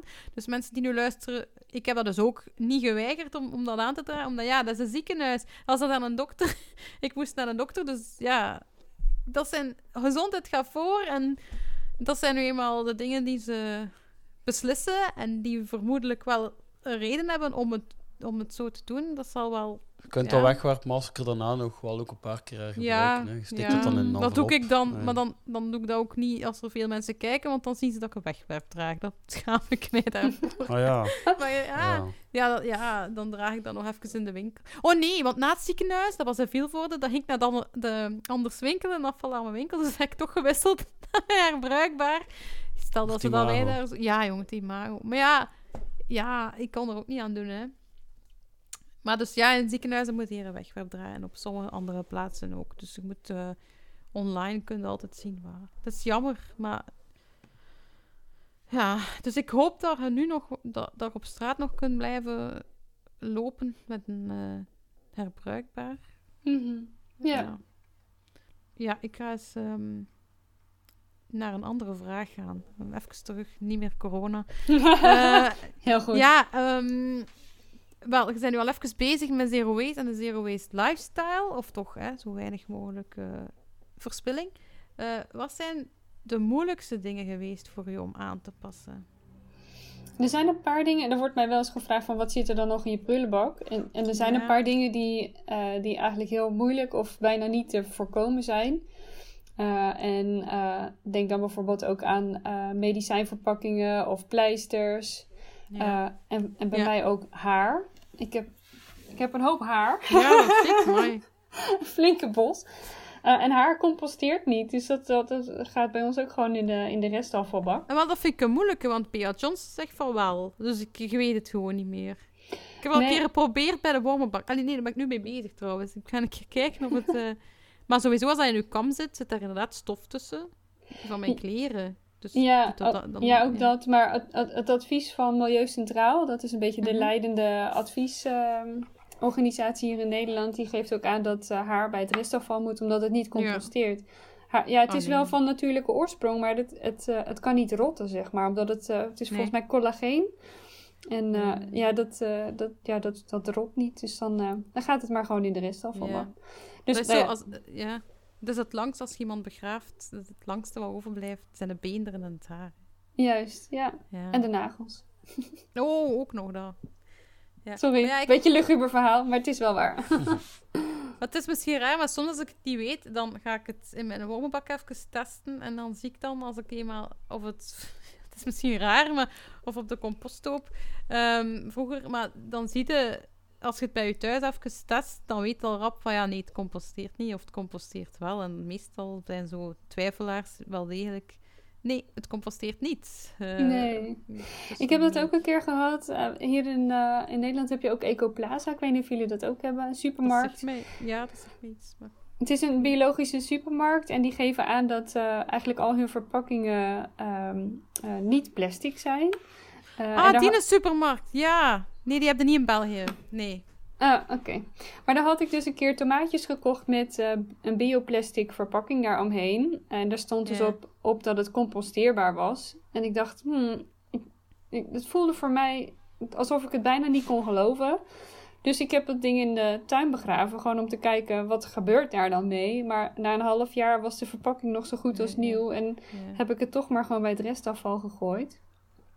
En ik ben toevallig um, twee jaar geleden was ik op uitnodiging van um, uh, Zero Waste Europe. Die organiseerde een, uh, ja, een, een, een, weekend of, of in ieder geval twee dagen dat je ook uh, overal naartoe ging. organiseerde zij ehm, een, een, een tour waarbij we ook langs een composteer um, uh, locatie gingen. Ja. En die lieten dus ook zien van wat voor zogenaamd composteerbare verpakkingen daar worden aangeboden. Oh, en, en het composteert gewoon uiteindelijk niet. Dus wat er dan gebeurt is dan belandt het in een, in een bak met allemaal spullen die niet in het compost terecht horen. En uh, dat wordt dan alsnog verbrand. Ja. Maar dan heeft dat product dus al heel die weg door die composteerinstallatie doorlopen. Ja. En is er al heel veel energie gebruikt eigenlijk om te proberen om daar compost van te maken. En dat lukt dan uiteindelijk niet. En dat is nee, gewoon super zonde. Dus dan ja. kan je het beter voorkomen door direct maar gewoon in de restafvalbak te gooien. Ja, ja dus dan, dan is dat eigenlijk duurzamer. Uh, ja, ik, dat is zoiets dat ook de overheid, dat ligt aan de overheid, vind ik, om de beslissing om de beslissing te maken op niet composteerbare verpakkingen, om daar niet op te zetten dat het wel composteerbaar is. Want iedereen heeft ermee te maken. Um, allee, iedereen komt ze tegen. Het is, ze zijn van plantaardige basis gemaakt, maar dat betekent nog niet dat ze composteerbaar zijn, omdat ze door de samenstelling van het te maken vaak juist een nieuwe vorm van plastic vormen die dan ja, die sterk is en die niet kan uh, composteren. Ja, um, ja. maar je zei ook ja, zeg maar hoor, doe maar. mensen vinden me dan vaak een beetje een spelbreker als ik iets negatiefs zeg ja. over composteerbare verpakkingen. Maar ik vind het moeilijk om daar positief over te zijn, omdat er ook heel veel verkeerde informatie over gegeven wordt. Ja, en omdat het nog steeds uh, single-use ja. is. En, um, en de basis is voor mij nog steeds een stukje preventie, uh, waarbij je dus uit moet gaan van dat je niks moet gebruiken wat je als wegwerpproduct zeg maar, inzet. Dus, Mhm. Dus dat geldt ook Maar voor die. die bedrijven terecht om dat erop te zetten, dat dat composteerbaar is? Dat Eh, is het, ja. ja, het is, nou, nu wordt het wel een lang verhaal. Ik zal het proberen hem kort te houden. Sorry. Vanuit Europese wetgeving eh, moet, mag, mag je composteerbaar erop zitten als het binnen 12 weken in een composteerinstallatie onder bepaalde omstandigheden met temperaturen en vochtigheid eh, kan composteren. Het Ja. probleem is dat, er geen, dat het nooit 12 weken duurt, maar altijd drie, eh, max vier weken, vaak nog korter, dat het de tijd heeft om daadwerkelijk eh, door de composteerinstallatie te gaan. Oftewel, de tijd om te composteren is te kort. eh, voor dat product om daadwerkelijk compost te worden. Ah, dus- oké, ja. Ik snap Dus het. ja. Ik hoop dat ik het een beetje duidelijk heb uitgelegd. Maar wat de, Euro- ja, wat de richtlijnen zijn om het erop te mogen zet- zetten, komen niet overeen. Nee. Dat komt niet overeen met de werkelijkheid. Met wat er daadwerkelijk gebeurt als het de composteerinstallatie ingaat. Oh, zo. Ja, en dan... En als je dat thuis gewoon doet in je compostbak? Ja, dan heb je dus niet de juiste temperaturen. Nee. Nee? Volgens mij moet het rond de 65 graden zijn. En nog een bepaalde vochtigheidsgraad. En misschien moet je er zelfs nog wel eh, bacteriën of enzymen of wat dan ook aan toevoegen. Dat weet ik eigenlijk Ja, niet precies. De industriële compost, dat gaat veel sneller. Dat wordt eigenlijk opge... Allee, de warmte wordt eh, veel sneller Ik heb ooit keer zo'n product gekocht, zo'n compost, compostversneller. En dat, dat ging Ah, wel misschien goed, moet je maar dat opdoen. dat ging echt verdacht goed, eigenlijk. Amai. En dat deden in de compostbak. Ja, lang niet dat ik dat gedaan heb. Maar ja, dat, dat, ging, dat zakte goed. Amai. Ja. Eh, eh, maar Elisa had daarnet uh, gezegd, in Nederland zijn er geen zero waste winkels, of toch niet zo'n winkels, bulkwinkels, of hoe dat je... Dus, Dat- er zijn er een Klopt dat? paar. Er zijn er Ja? een paar, maar ehm, eh, nou ja, eh, toen ik begon met Zero Waste, eh, de eerste, Ja. de eer- sowieso de eerste twee jaar, eh, ging ik eh, voor mijn bulk inkopen naar Robuust in Antwerpen. Nou woon ik niet zo ver van de grens. Eh, maar ik was dus zo iemand die wel af en toe eh, in de auto stapte om eh, naar Antwerpen te gaan. om, amai, amai. dan combineerde ik het wel altijd met een bezoekje aan ehm, Ja, ja, een ja. museum of iets gezelligs doen of een, gewoon een weekendje weg of een uitje of zo. Maar toch, ja, het is uiteindelijk ja, niet zo heel duurzaam. Maar dat wa- was ook voor mij om te ontdekken, eh, ja, wat kan ik eigenlijk allemaal, hoe kan ik mijn leefstijl aanpassen en welke dingen eh, kan ik, eh, kan ik inderdaad op die manier kopen. Ehm, er is in Nederland best wel wat veranderd. Ehm, bijvoorbeeld is Pieter Pot ontstaan. Dat is een, een online winkel waar je met statiegeld je boodschappen zeg maar, aan huis bezorgd kan krijgen. En daarbij geef je dan de lege potten weer mee terug. en dan krijg je statiegeld ook weer terug. En, want Pieter Pot ken ik ongeveer, maar ik vraag me af, fietsen die of zijn die met de auto? Dat- die, die rijden tegenwoordig met busjes. Toen ze, klein, toen ze heel klein waren, toen deden ze dat met een bakfiets. Eh, maar tegenwoordig ge- eh, ja, gaat dat met, eh, met busjes. En ook daarin zijn ze wel bezig met verduurzaming, meer richting elektrisch. Ja, want omdat ik mij soms afvraag, als jij niet naar de winkel gaat, maar de winkel komt naar u, wat dat dan snapte. Wat het Ja. verschil is. Ja, ja. Dus dat, dat- ja, bij Pieter Pot, ik vind het een leuk initiatief en zo, ik heb het al gezien, maar ik ben zo een beetje kritisch nog. eh. maar ja, ja. maar zij zijn, zij zijn zelf ook wel kritisch. En ze hebben natuurlijk ook een kritisch publiek. ja Eh, daarom, dat weet ik. en- ja. En zij zetten heel erg ook in op verduurzaming van de keten. Dus zij zitten ook op het stukje verduurzaming van hun leveranciers. En eh, ehm, zij bezorgen niet zelf. Dat doen ze met, ehm, volgens mij TNT. Mhm. ik, ik weet eigenlijk niet precies. Ehm, die, eh, en eh, daar zijn ze ook mee bezig om te kijken hoe ze dat zo duurzaam mogelijk kunnen doen. Ja. Dus zij, zij willen wel de hele keten verduurzamen. Ehm, wat ik eigenlijk wilde zeggen is, Sorry, in, ja. in België zijn er veel meer winkels waar je in bulk je boodschappen kan doen. In Nederland zijn er echt maar een paar.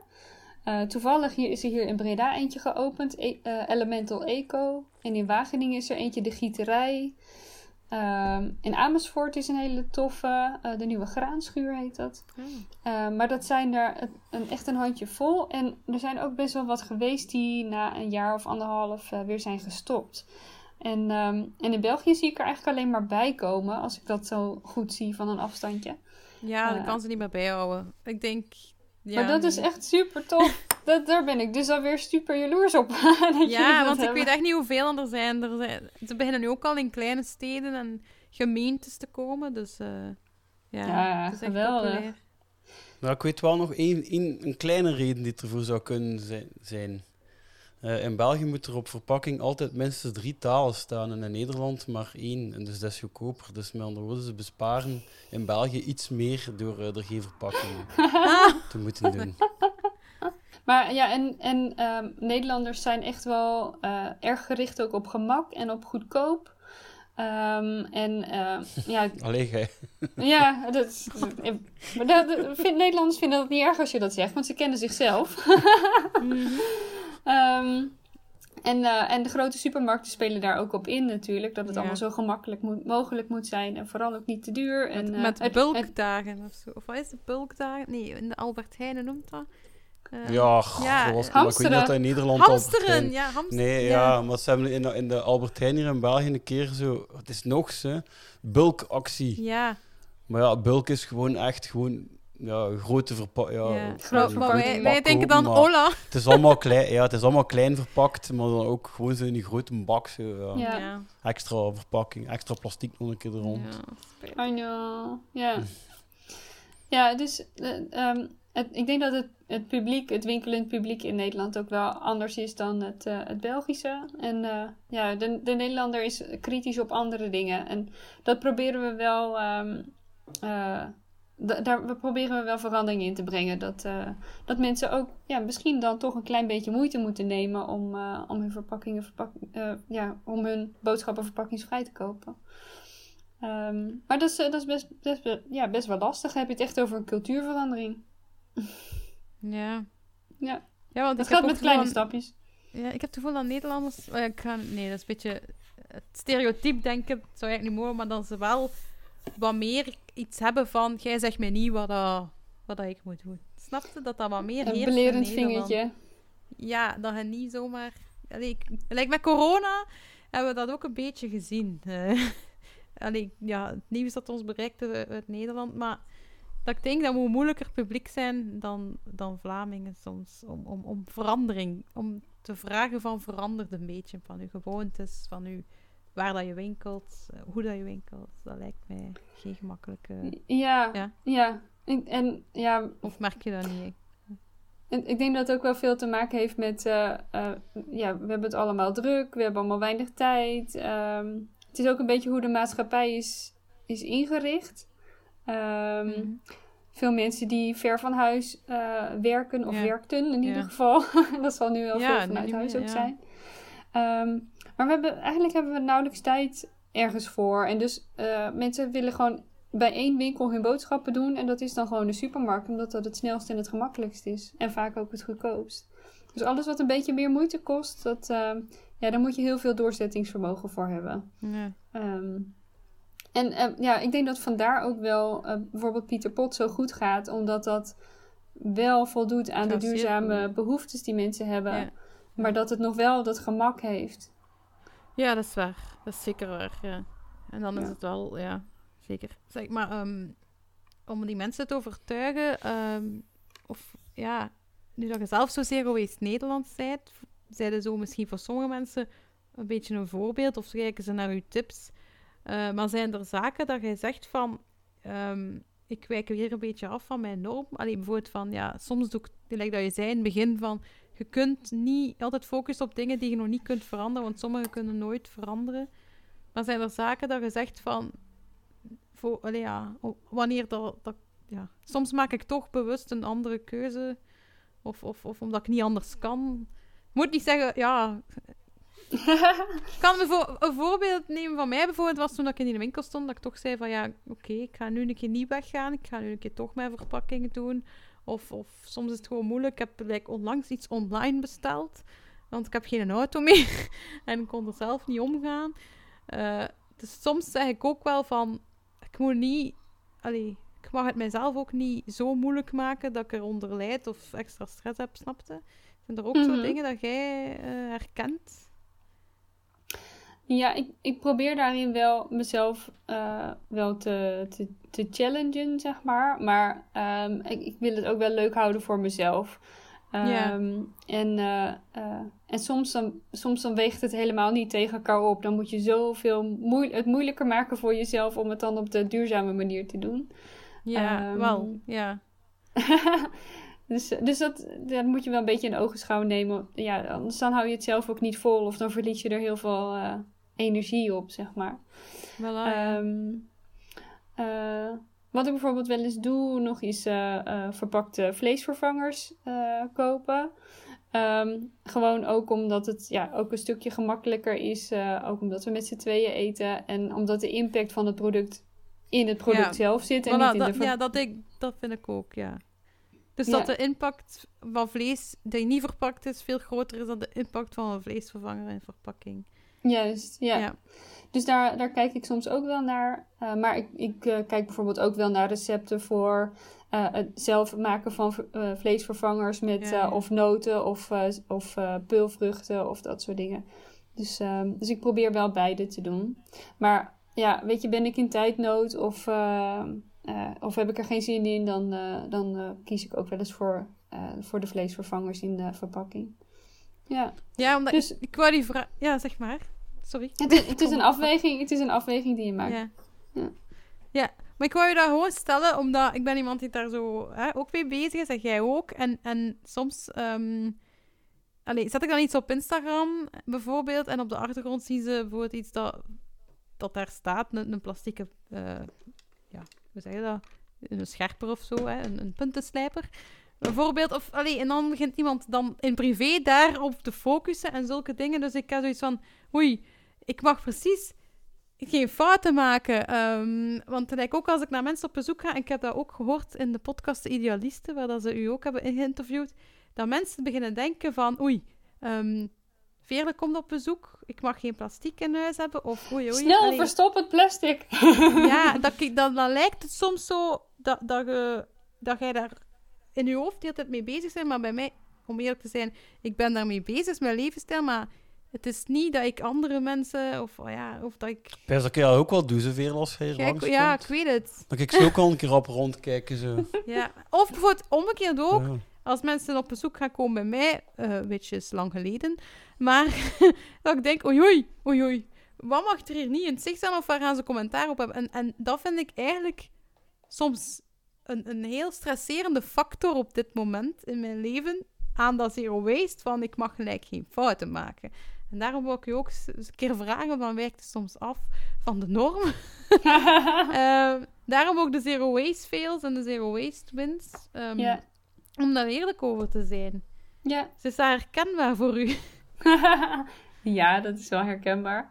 En hoe, hoe meer ik mijn nek uitsteek en hoe meer ja, mensen van mij horen en wat ik doe, hoe meer eh, kritiek dat, dat ze daar ook op hebben. En vaak is dat ook omdat ze zelf beseffen dat ze daar nog heel ver vanaf staan. En dan is het makkelijker om mij af Ja. te kraken dan om zelf te kijken, hm, misschien moet ik mijn eigen gedrag veranderen. Het is makkelijker om Ja. een ander naar beneden te halen dan Ja. om zelf een stapje omhoog te doen. Ja. Ehm, ik heb ook wel eens gehoord, ik geef ook wel veel presentaties. En dat mensen dan zeggen, nou, eh, zo duurzaam is ze niet, want ze heeft lippenstift op. En die heeft ze vast niet zelf gemaakt. En die heb je vast Amai. ergens gekocht. Nee, juist. Het- Wel, het ja, kan, ja, maar ja, ik heb ook... eh, Het ja. kan best wel ver gaan. Of, eh, oh, heb je nog een telefoon dan? En eh, is die dan niet, eh, eh, heeft dat dan geen eh, e-waste? Of hoe duurzaam is dat dan? En, nou, zo vinden mensen toch... Het is gemakkelijk om iets te vinden wat nog niet perfect Mhm. is. Ehm, maar goed, ik ben zelf al eh, zelf kritisch genoeg. En ik weet dat ik, eh, Ja. als- dat ik het beter doe als ik het beter kan. Maar denkt je zelf niet soms dat dat woord, omdat dat woord zero erin zit, Ja. dat je daar ook soms wel op wil pakken, omdat je zo echt met dat woord nul afkomt? ja, Dat je eigenlijk anders had moeten noemen? Ik, ik denk dat, je, eh, dat, dat dat zeker wel meespeelt, omdat zero is echt een, een absoluut getal. Dus dat, dat geeft eigenlijk geen ruimte voor percentages daarnaast. Ehm, maar ik leg het altijd uit als zijnde een punt op de horizon om naartoe te streven en naar te blijven streven. Dat geldt voor mij ook nog steeds. Ehm, dus, dus daarin vind ik ook wel wat eh, ruimte voor mezelf, ook om het uit te leggen. En wat ik, wat ik andersom ook wel merk, Ehm, dat voorbeeld wat je net gaf van hè, mensen thuis, als jij ergens naartoe gaat, dat mensen zich heel erg zelfbewust uh, zijn van, oh jee, uh, hè, waar gaat ze kritiek op hebben? Ja, ik, maar ik, heb geen kritiek. Nee, nee, nee. maar, dat, maar dat is bij mij ook. En, maar ehm, eh, ik hoor dan wel vaak dat mensen, ook, al, ook al zeg ik dingen niet, ze, ze, ze hebben dan bepaalde gedachten Ehm, alsof ik hun externe geweten ben. Dus bijvoorbeeld, stel ze hebben boodschappen gedaan met heel, veel, met heel veel plastic. En dat ze dan tegen elkaar zeggen of bij zichzelf denken van... Wat zou Elisa hiervan vinden? Of uh, dit zou Elisa vast niet goed vinden. Um, Dat vind ik eigenlijk heel grappig. Niet omdat ik dat doe. Het is niet dat ik uh, mensen ga wijzen van... Goh, wat heb je nou gekocht? Um, maar, maar ergens voelen ze dus wel een... Uh, een bepaalde norm of zo die ik, die ik uitdraag. Ehm, waardoor ze zelf daar wel wat bewuster mee omgaan. Ehm, en eigenlijk, ja, ik, ik vind dat eigenlijk wel grappig. En eigenlijk vind ik dat helemaal niet zo verkeerd. Want dus op afstand kan ik toch nog een beetje invloed hebben op mensen en bewuste keuzes. Ja, maar dat is dan, dat is dan, dat is dan echt positief. Hè? Want ik krijg ook soms zo een foto van iemand die voor het eerst afvalarm heeft verkocht. Of, of, of zegt van ik heb veganistische optie gekozen of wat dan ook. Of iets van verandering.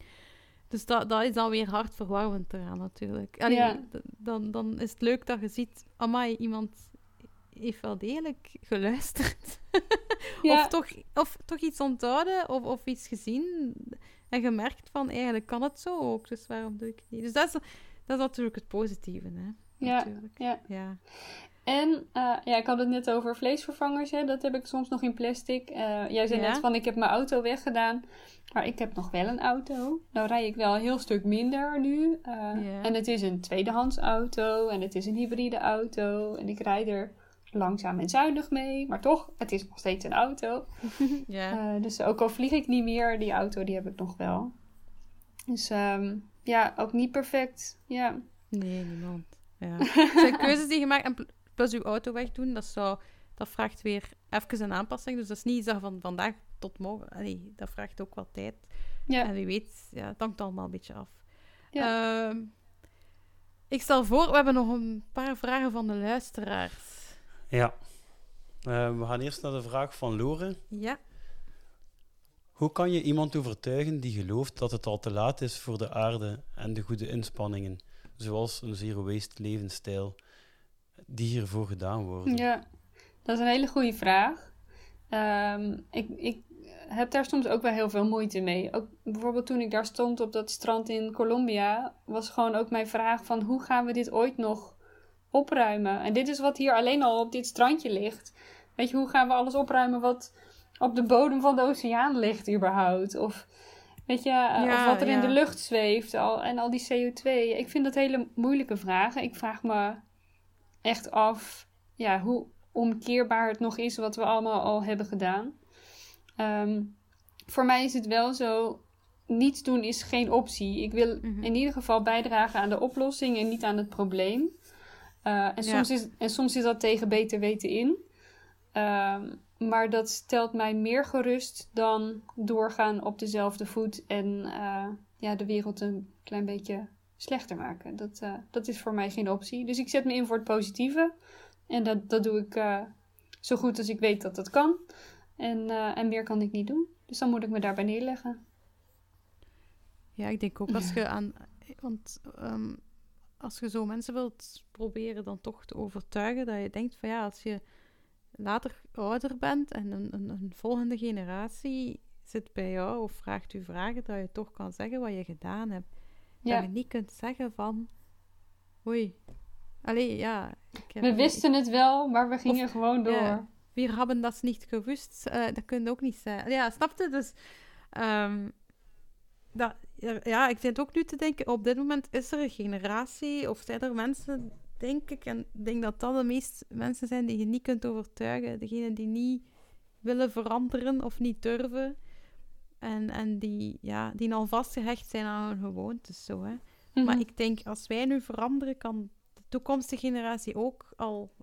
Uh, ja, voor die, voor die groep mensen is de, zijn de bedrijven en de regering. Uh, eigenlijk wel. eh, hebben een verantwoordelijkheid ook. Hè. Dus het is alle drie. Hè. Mhm. Ja, gelijk dat je En daarvoor zei, moeten we ja. een beetje hopen ja, dat ja, voor de mensen die het eigenlijk echt niet willen, die moeten dan maar iets meer eh, verplicht worden. Hè. Ah, wel, ja. Of gewoon de optie niet hebben om meer hebben om, om dingen Ja, allee, om een zware voetafdruk te hebben. ja. daarom eh, eh, ben ik ook wel heel erg voor systeemverandering. Ehm, ik ben helemaal niet zo voor bewustwording van iedereen. Want dat bete- betekent dat, dat Nee. ik iedereen moet bereiken en dat Ja, iedereen ja, ook dat een bewuste verandering moet maken. Dus eigenlijk moeten we het systeem veranderen waar mensen onbewust hun eh, gedrag kunnen veranderen. Ja, ja. omdat de, Ja, het zei zo'n keer een collega van mij, van over de- omdat ik zo naar van de Zero Waste winkel kwam. En die zei van, ja, wat gaat die Zero Waste winkel nu doen als de supermarkten dat ook allemaal doen? Maar dan zei ik, ja, dan gaat, dan gaat die mensen van die Zero Waste winkel zeer blij zijn dat, dat als ze gevolgd worden. En zij gaan altijd de pioniers blijven. Hè. Ze gaan dan ook kunnen vernieuwen en vooruitstrevend kunnen blijven. Ja. Dus eh, dat zou perfect zijn. Natuurlijk moest dat gebeuren. Ja. Een supermarkt te beginnen er al. Allee, de Bioplanet Ja, was wel, ooit ziet al een begonnen, klein die zijn beetje, weer hè. gestopt en de, de lijst is nu begonnen. eh. Ja, ze, Dus, ze bieden het aan, maar, Maar het wordt ja, daar- het, het is ja. niet het enige. we snappen het niet goed, het volk. Allee, de mensen snappen het nog niet zo goed. Of er liggen papieren zakjes bij, dus... Maar ja. Ja, het is een begin, eh, ja, ja. Het, we hebben al wijze foto's gezien hè, van eh zero waste dingen, van die bulk dingen, Ja, dat er daar dan zo allemaal wat verpakt, in zit. Ja, ook, dus soms snapt een... Ja. eh, ehm, Oké, we gaan naar een volgende vraag, Christophe. Nou, de vraag van Hanne. Welke zero waste gewoonten zijn in Nederland basic en wijd verspreid, maar in België niet? En omgekeerd. Dit kan misschien leerrijk zijn. Oh ja, wat, is, wat kunnen we van elkaar leren? Oh, Dat is wel eh, een moeilijke. oh, dat vind ik een moeilijke vraag. Ja, we liggen wel dicht bij elkaar. We zijn wel buurlanden. Zero waste zo, eh, gewoontes. groot verschil, denk ik. Ja, wat is, er? Rommelmarkten. Eh, ja, Nee, ah, hetgeen ja. dat we weten is eh, flessenwater, plastic flessenwater. Ah, dat ja, is, eh, ja. Nederlanders drinken veel meer kraantjeswater. Ja, dat is wel Dat is goedkoper, dat, hè? is, dat is iets wat Dat we wel weten. Nee, maar ik denk goedkoop, eh, ja. de, de, de dingen op Prinsjesdag, of hoe noemt dat? De rommelmarkt? Oh, op, eh, ja, Allee. op, op Koningsdag. Ik denk dat jullie een grotere rommelmarktcultuur hebben dan hier. Hè? Ik ben niet zeker, maar... Alles wat met zuinig zijn te maken heeft, zal misschien er iets meer in gebakken zitten. Ja. Hergebruik. En kleiner wonen, positief, kleiner ja. wonen, hè? Jullie wonen al veel kleiner dan, dan Vlamingen of Belgen. ja, dat weet ik eigenlijk niet zo goed. Ik vind dat de Nederlandse huizen ook wel erg eh, groot worden, hoor. Ja. Ehm, ja, daar is, heb- is ook wel veel discussie over. Eh, er is heel veel woningnood in Nederland. En dat heeft, maar dat heeft Ja. er onder andere mee te maken dat, eh, dat we steeds groter willen wonen en dat er ook steeds Ah, meer ja. alleenstaanden zijn. Dus dat er ook veel meer huizen nodig Ja. zijn. Maar goed, kringloop, ja, we hebben veel kringloopwinkels, veel, inderdaad ook veel rommelmarkten. Op, op Koningsdag is het een hele grote vrijmarkt. Eh, ja, ja, dus dat was dan, eh, Koningsdag. Ja. ja. Ja. Ehm, ja, dus... Maar, ja goed, eh, ik woon natuurlijk dicht op de grens en mijn, ik en mijn familie zijn nogal van de rommelmarkten, dus wij komen ook regelmatig in België op rommelmarkten. dus eh, echt het verschil zou ik niet zo heel goed kunnen zeggen, of dat een, nou meer of minder in de een of de andere plek is. Nee, ik weet Ja. eigenlijk niet zo goed. Blijkbaar is in België een zero waste winkel hip of zo. Of die hebben dan wel op een of andere manier een beleid dat werkt. Ja, En dat is dan wat je gelijk gezegd hebt. Dat is in Nederland zit nog een beetje achter. Ja. Ja. Ja, maar dat heeft denk ik echt met de, met de cultuur te maken. Ehm, Ja. Ik weet niet, zijn, zijn eh, shampoo bars bij jullie heel, helemaal ingeburgerd? Ja, Ik zie daar... in de zero waste wereld zeker wel. Allee, maar ja, ik kan, ik ben, ik kijk niet juist, hè. Ik kijk door een bril, hè. Al, allee, al Ja. mijn vrienden en al niet. Allee, die zijn er al mee bezig, maar ik weet niet, als ik hier naar de buurman ga, denk ik niet dat hij het kent, snap je? Dus Ja, ja. Nou, ik, ik denk dat, eh, dat het nu wel snel gaat. Dat dat soort zero waste producten eh, steeds meer ingeburgerd raken en steeds gewoner eh, worden. ja, Ehm, dus ja, zeker als ze handig zijn, hè. Eh, like, ja. ja, like de, de menstruatieslip, de cup, zulke dingen. De... Ja, Christophe, sorry. Maar zo, ja, nee, dan merk ik dat, ja, dat, dat, dan We hebben dat soort dingen nog wel een paar stappen te zetten. We, we- Ah, ja. ja. Maar ja, ik kijk door weer door een speciale bril. En ja, in mijn omgeving gebruiken veel mensen dat al. En, en, en ja, gewoon met je eigen zakjes gaan, dat doen er ook al heel wat in mijn omgeving. Snap je? Dus ik kijk niet... Ik zou eigenlijk aan de kassa van de supermarkt moeten zitten. Dat weet ik hoeveel mensen per dag... Uh, ja. Maar hoe... Ah, uh, ja? Er schiet me nog wel iets te binnen. Als jullie een brood gaan kopen bij de bakker, dan krijg je toch doorgaans in papier, of niet? Nee, dat is een papieren zak met een plastic folie bij ons. Die uh, mocht je niet... Die mag niet in papier. Die moet de rest... Ah, oké. Ah, bij ons toch? Allemaal? Ja, ja toch. Ja. Ik moet wel zeggen, ik ga nu wel naar de bakker al heel lang met mijn katoenen zak. Dus ik heb de andere zakken al heel lang niet meer gecheckt eigenlijk. Maar ik, ja, wel lekker stof. Bij andere mensen zie ik dat af en toe. En dat is nog altijd geen... Uh, dat is geen papier, hè. Dat is ja. iets raar. Bij ons is het sowieso plastic. Maar dus ah, ook zonder papier look. het kan, het, kan ook uh, uh, gewakst papier zijn. Maar goed, als het papier met. Als het papier met een plastic folie is, dan gaat het natuurlijk sowieso niet gerecycled worden. dus, uh, ja, het is, het is een multilayer. Dus het zijn sowieso bij broodzakken uh, multilayers. Zodanig dat het, uh, ja, hm. het brood langer bewaard blijft. Ja. ja. Nu, ik heb natuurlijk een trucje voor. Hè. Ik snijd mijn brood niet. Ik snijd dat thuis, waardoor dat het langer bewaart in de katoenen zak. Of je kan twee zakken gebruiken. Of ik heb ook herbruikbare zakken waar dat een vriendin van mij uh, iets heeft ingenaaid. Dat ook nog minder uh, doorlaat. Minder vocht doorlaat. Ja, ja. ja. Dus ja, enfin. Uh, die hard. Genoeg details. ja. ja, oké. Dus ik denk dat we dat kunnen leren van de Nederlanders. En van de Belgen. Um, dan hebben we gewoon nog een paar algemene vragen binnengekregen. Uh, je mag daar ook zeker op antwoorden. Hè? Uh, maar ik heb die wel een beetje voorbereid, want ze waren geen gemakkelijke vragen, dus ik heb een research gedaan naar het antwoord. Dus Christophe, doe maar. Ja, de eerste vraag is van Sophie Lang. Ik heb deze week iemand een Insta-story zien maken die zichzelf aan het goed praten was dat ze in de kringwinkel iets had gekocht. Niet zoals je zou verwachten. Ze zei: Ik weet dat ik hier niet mag kopen omdat ik financieel stabiel ben en de kringwinkel is eigenlijk voor kansarme gezinnen. Klopt het dat je de kansarme mensen minder kansen geeft om spullen goedkoper te vinden door in een kringwinkel te kopen?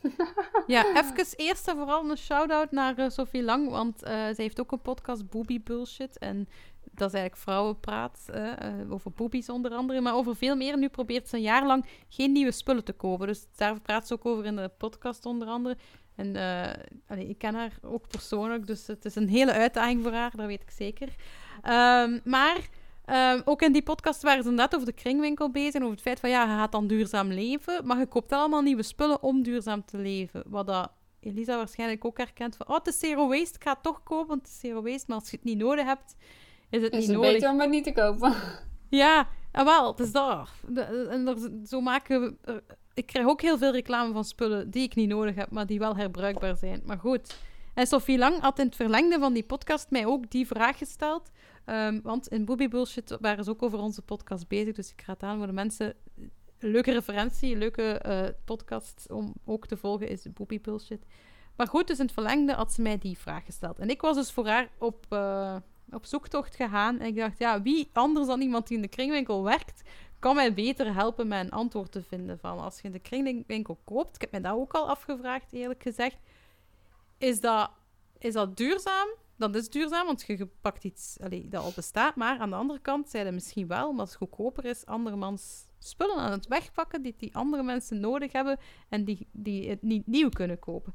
Dus ik vroeg aan de kringwinkel um, zelf ik stelde die vraag aan hen en Heidi Geert uh, heeft uh, geantwoord. En zij werkt bij Herwin, dat is de van Herwinnen, hè, Herwin. Dat is de koepelorganisatie van alle kringwinkels. En ze heeft geantwoord. Dus ik ga het hier gewoon voorlezen, hè, Christophe. Um, we willen dat iedereen bij de kringwinkel, ook met een beperkt budget, basisproducten kan kopen die nodig zijn voor een comfortabel leven. Een bed, een tafel, huisraad, kleding, dit zijn producten waarvan het aanbod zeer ruim is en de prijzen bewust heel laag worden gehouden. Onze klanten die het financieel moeilijk hebben en via het OCMW of een andere sociale dienst doorverwezen zijn, sorry, ja, onze klanten die het financieel moeilijk hebben en via het OCMW of een andere sociale dienst doorverwezen zijn, krijgen bovendien in de meeste kringwinkels een extra korting. Dus met andere woorden, uh, ik ga nog altijd in de kringwinkel dingen kopen, want andere mensen die het nog moeilijker hebben, kunnen het nog aan minder geld kopen. Um, uh, bijvoorbeeld bij kerstversieringen en zo, daar is eigenlijk ook een heel groot aanbod. Want als ik dingen koop in de kringwinkel, is het ook soms iets dat ik daarna ook teruggeef. Dat ik eigenlijk een beetje leen. Dus bijvoorbeeld iets voor kerst, dan ga ik dat dan soms daarna... Niet altijd, als het leuke dingen zijn, hou ik ze. Um, maar dat, dat, zijn momenten... Allee, de kringwinkel heeft zodanig veel, dat je eigenlijk ook gewoon... Iedereen kan daar terecht, hè. En, en de mensen die het moeilijker hebben, die kunnen dan... Ja, het nog goedkoper. Dus als ik mijn spullen dan teruggeef, dan denk ik dat zij ook nog eens kunnen kopen. Enfin, ja, ik denk niet dat we er sociaal gezien iets fout mee doen.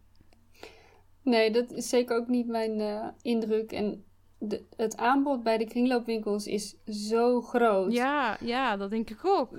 Um, zeker als ik hier zie in Nederland, we consumeren zoveel. We bestellen zoveel spullen. Uh, we gebruiken het even kort en het gaat hup weer naar de kringloopwinkel. En ze kunnen het daar echt niet allemaal aan.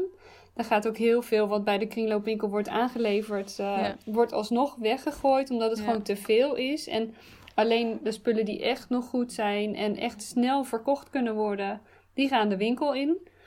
Uh, dus ja, ik, ik zou zeggen, uh, vooral niet nieuw kopen en gewoon lekker naar de kringloopwinkel ja, gaan. Ja, dat denk ik ook. Dus uh, ik zou me daar niet schuldig over voelen, nee. nee. Ja. Ik heb, uh, ja, de, de, wel grappig die uitdaging die je vertelde van, van die podcast. maakster, ja. um, ik heb in de afgelopen vijf jaar niks nieuws gekocht. Geen nieuwe spullen, geen nieuwe kleding. Um, en dat, is, dat red je door zo min mogelijk te kopen en het te doen met wat je al hebt. Maar ja, in de kringloopwinkel kan je alles wel vinden wat je, ja, je wat je maar nodig zou hebben. Dus je hebt de kleding wel in de kringwinkel gehaald dan? Als je ja, deze komt van een, een ruil-evenement. Uh, dus ook kleding doe ik ook ja, als het kan. Ja, voor de luisteraars, ze, heeft, ze toont daar um, gileetje. ja. Uh, vestje, ja. vestje, vestje. Ja. Uh, die, die, die ruil ik. Dus uh, qua kleding is het soms uh, leuker om met vriendinnen te ruilen. En dat is ook nog, nog goedkoper dan oh, de kringloop. Um, maar ja, eigenlijk... ik schrijf ook wel eens... Als alle, als alle fabrieken in de hele wereld tien jaar lang stil zouden liggen... dan hebben we nog genoeg spullen om iedereen te voorzien van ja. spullen. Dus het is... Het, ja, voel je daar echt niet schuldig over om naar de kringloopwinkel te gaan. Ja. Die schaamte die moet er ook echt af, wat mij betreft. dus dat, kringloopwinkelschaamte, ja. Allee, ik, wist, ik wist dat het bestond, maar ik wist niet dat het op deze manier ook al bestond. Allee, dat, ja, ja. Ik, ik, heb dat soort bedenkingen wel een keer gehad bij Too Good To Go. Is die een app ook gekend in ja, Nederland? Zeker, ja, Ja, dus um, ik ken iemand dat bij de Carrefour werkt. Dus, dus een supermarkt. En uh, de er worden altijd pakketten klaargezet voor Too Good To Go. En als die nieuw, allee, als die nieuw worden gereserveerd en opgehaald, dan gaan die naar de voedselbedeling. En dan, dan heb ik zo het idee van, allee, dus, dus eigenlijk had dat toch al een bestemming. Dat ging eigenlijk al naar de voedselbedeling. Mhm. Dus je pakt dat eigenlijk af. Dus dan, Dat ja, Too Good To Go werkt waarschijnlijk beter Mm. bij de niet-supermarktketens, maar bij de kleinere winkels. Ja, bij de Want kleine daar winkels schiet het dan toch een beetje zijn doel voorbij. Ja, en de supermarkt wint er dan nog op. Ja, dat is... eh ah, ja, de moeilijke. dat is een moeilijke. Dat Ja. is een moeilijke. Maar ja, er zit er altijd, er zit er altijd wel iets op. een- ja.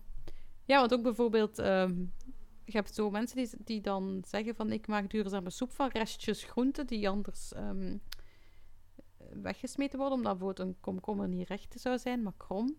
Maar ook die groenten had ook al bestemming, namelijk bij minuut. Allee, zo zeg dat die kleine soepjes en zo. Enfin, dus ja, het is niet altijd. ehm, ja, soms Ja. wordt er een oplossing ge- gemaakt voor iets dat er al is. Dus als ondernemer kunt u ook wel. Allee, moet je een beetje nadenken soms, denk ik. Mhm. Ehm, Oké, eh, de volgende vraag, Christophe. Dan nog één algemene, of twee algemene vragen. Ja. Van Hannelore? Ja. Ja. Alpro soja bakken en braden gebruik ik al jaren, maar ik vond het altijd zonde dat de verpakking hard plastic is. Nu is er een nieuwe verpakking, een dun omhulsel. Jammer genoeg bestemd voor restafval. Ja, Dus, er staat wel geen vraag bij. nee, maar nee, nee, ja, Waarschijnlijk, wat vinden daarvan? Ja, Zeker. ik, weet, ik kreeg het zo in mijn mailbox. Eh, ik ga de foto's in de show notes zetten, velekolop.be slash podcast. Dan kunnen jullie zien over welke verpakkingen het gaat. Eh, ik heb eh, natuurlijk onze expert daarbij gehaald, Karin van Doorselaar. Hè, die is eh, expert in verpakkingen, ze is professor. Ehm, en ik, ik heb haar uitgelegd van ja, wat is nu duurzaamste? Ehm, de botervlootjes, zoals we ze kennen in plastic, of een gekoute wikkel? En zij was natuurlijk niet content. Zij heeft eh, ook gezegd van, ik ga Alpro mailen, want als, het daar, als, als hun boodschap is van, kijk, we hebben nu duurzamere verpakking gemaakt, omdat er minder verpakking is, dan is die boodschap fout. Want hun vorige verpakking, namelijk gewoon één plastic verpakking, wel wegwerkbaar, maar wel beter recycleerbaar, was... Waar je die folie van af moest doen. Ja, en de, de Dat mocht folie... niet vergeten. Ja, zo Ja. van boven. Hey, maar de Deleuze gaat trouwens stoppen met alle... In, in de Deleuze gaan alleen maar nog folieloze verpakkingen staan. Enfin, binnenkort. Mooi. Ja. Maar dus, Carina heeft- heeft daar naartoe gemaild. Ze heeft nog geen antwoord of ik heb nog geen ehm, vervolg gehoord. Maar dat is ook iets dat ze zei. Mij plasticvrij, dat is zeker een goede actie, maar het is heel verwarrend. Want plastic is nog altijd beter recycleerbaar dan die multilayers, hè, waar we het over hebben gehad in onze aflevering met haar. Ehm, dus eh, soms is plastic zeker niet de dooddoener en veel mensen zijn daar soms verward mee, ook al pro, pro, eh, al pro soja blijkbaar. Dus ehm, dan schrijft ze ook nog, het is dus pure perceptie, plasticvrij, maar de wikkel hoort dus niet thuis in de circulaire economie. En de wikkel is zo aluminium met papier. Ken je dat zo? Aan de ene Mm. kant de tekening, aan de andere kant aluminium. Dus daar zit de boter nu in. Ehm Allee, de soja bakken en braden, want het is geen boter. Ze mogen daar geen boter op zetten natuurlijk, omdat het geen boter is. Eh, dus ja, ze gaat de verantwoordelijke mailen van Alpro. En ehm, ja, da- dan heb ik wel nog iets gezien, die, een, een, een actie. Allee, Christophe heeft dat gezien. Hè, eh, heeft mij dat doorgestuurd. Ja. Een actie die Ja. dus bezig is juist met de bewustmaking van mensen. Als je dan toch voor verpakking kiest, wat is nu de duurzaamste? En die actie heet eh, Hackathon. En die is nu bezig. Je kan je niet meer inschrijven, maar je kan wel info Nee. vinden op de website. Eh, op hack, hack the Pack. wacht, hè. Wacht, Hackathon. Hack the Pack Design Jam. Ja, streepje design. Ja, maar Google gewoon in Ecosia Hack the Pack of hack, Hackathon en dan kom je er ook. En dat is een organisatie van ehm Artevelde Hogeschool. Ja, of kijk in onze show notes. Als er mensen zijn die nog zo foto's hebben of vragen, mail gerust. Ehm, we hebben natuurlijk ook een audioapparaatje. Dus op veerdekolp.be slash podcast, nee, slash Zero Waste podcast kunt je ook een audiobericht inspreken. Ja, en dat heeft Ja. Lien gedaan. En we gaan een keer luisteren. Veerle en Christophe, ik ben Lin en ik heb een vraag over waterstofperoxide of hydrogen peroxide. Dit is een heel handige vloeistof. Je kan ermee vlekken uit kleding verwijderen, de tandenborstel een schoonmaakgeur geven, oppervlakken ontsmetten enzovoort. Het zou een duurzaam alternatief zijn voor Javel of voor de Nederlanders bleekwater. Maar op internet vond ik toch waarschuwingen voor waterstofperoxide. In zonnecrème zou het bijvoorbeeld mee zorgen voor schade aan koraalriffen. Nu is mijn vraag: weten jullie hoe gevaarlijk of hoe veilig waterstofperoxide echt is voor de mens en de natuur? Weet jij het antwoord, Elisa? Eh, nee. Ja, ik heb, ik heb research gedaan. Ja, maar zeg maar als je weet wat het is. ik ken het alleen maar om je haar eh, blond te maken. Het lijkt me, ja, het lijkt me niet zo heel gezond voor de natuur. Maar... Nee, oh, ik wist zelf niet dat je haar... Is dat dat als het... Oei. Ja, dan is dat... Wel, ik heb dus ehm, eerst en vooral wat eh, informatie opgezocht. Eerst heb ik vlug gekeken in mijn ehm, kast met kuisproducten. Van, heb ik dat niet in huis? Want dat klonk bekend, maar ik heb, ik heb dat niet, gelukkig. Ehm, maar waterstof, eh, peroxide, ik kan het zelf niet goed uitspreken. Eerst en vooral, dat irriteert al uw, uw, uw huid, uw ogen. Je moet altijd oppassen als je daarmee werkt, dat dat niet in je ogen komt. Dat, dat- draag altijd handschoenen als je ermee werkt, omdat het heel irriteert, allee, heel ja, gevoelig is voor de huid. Ehm, dus als je er toch mee in contact komt, moet je het sowieso goed afspoelen. En dan, zoals eh Lien zei, dat zit eigenlijk in verband met die zonnecrème, dat zit daar niet in.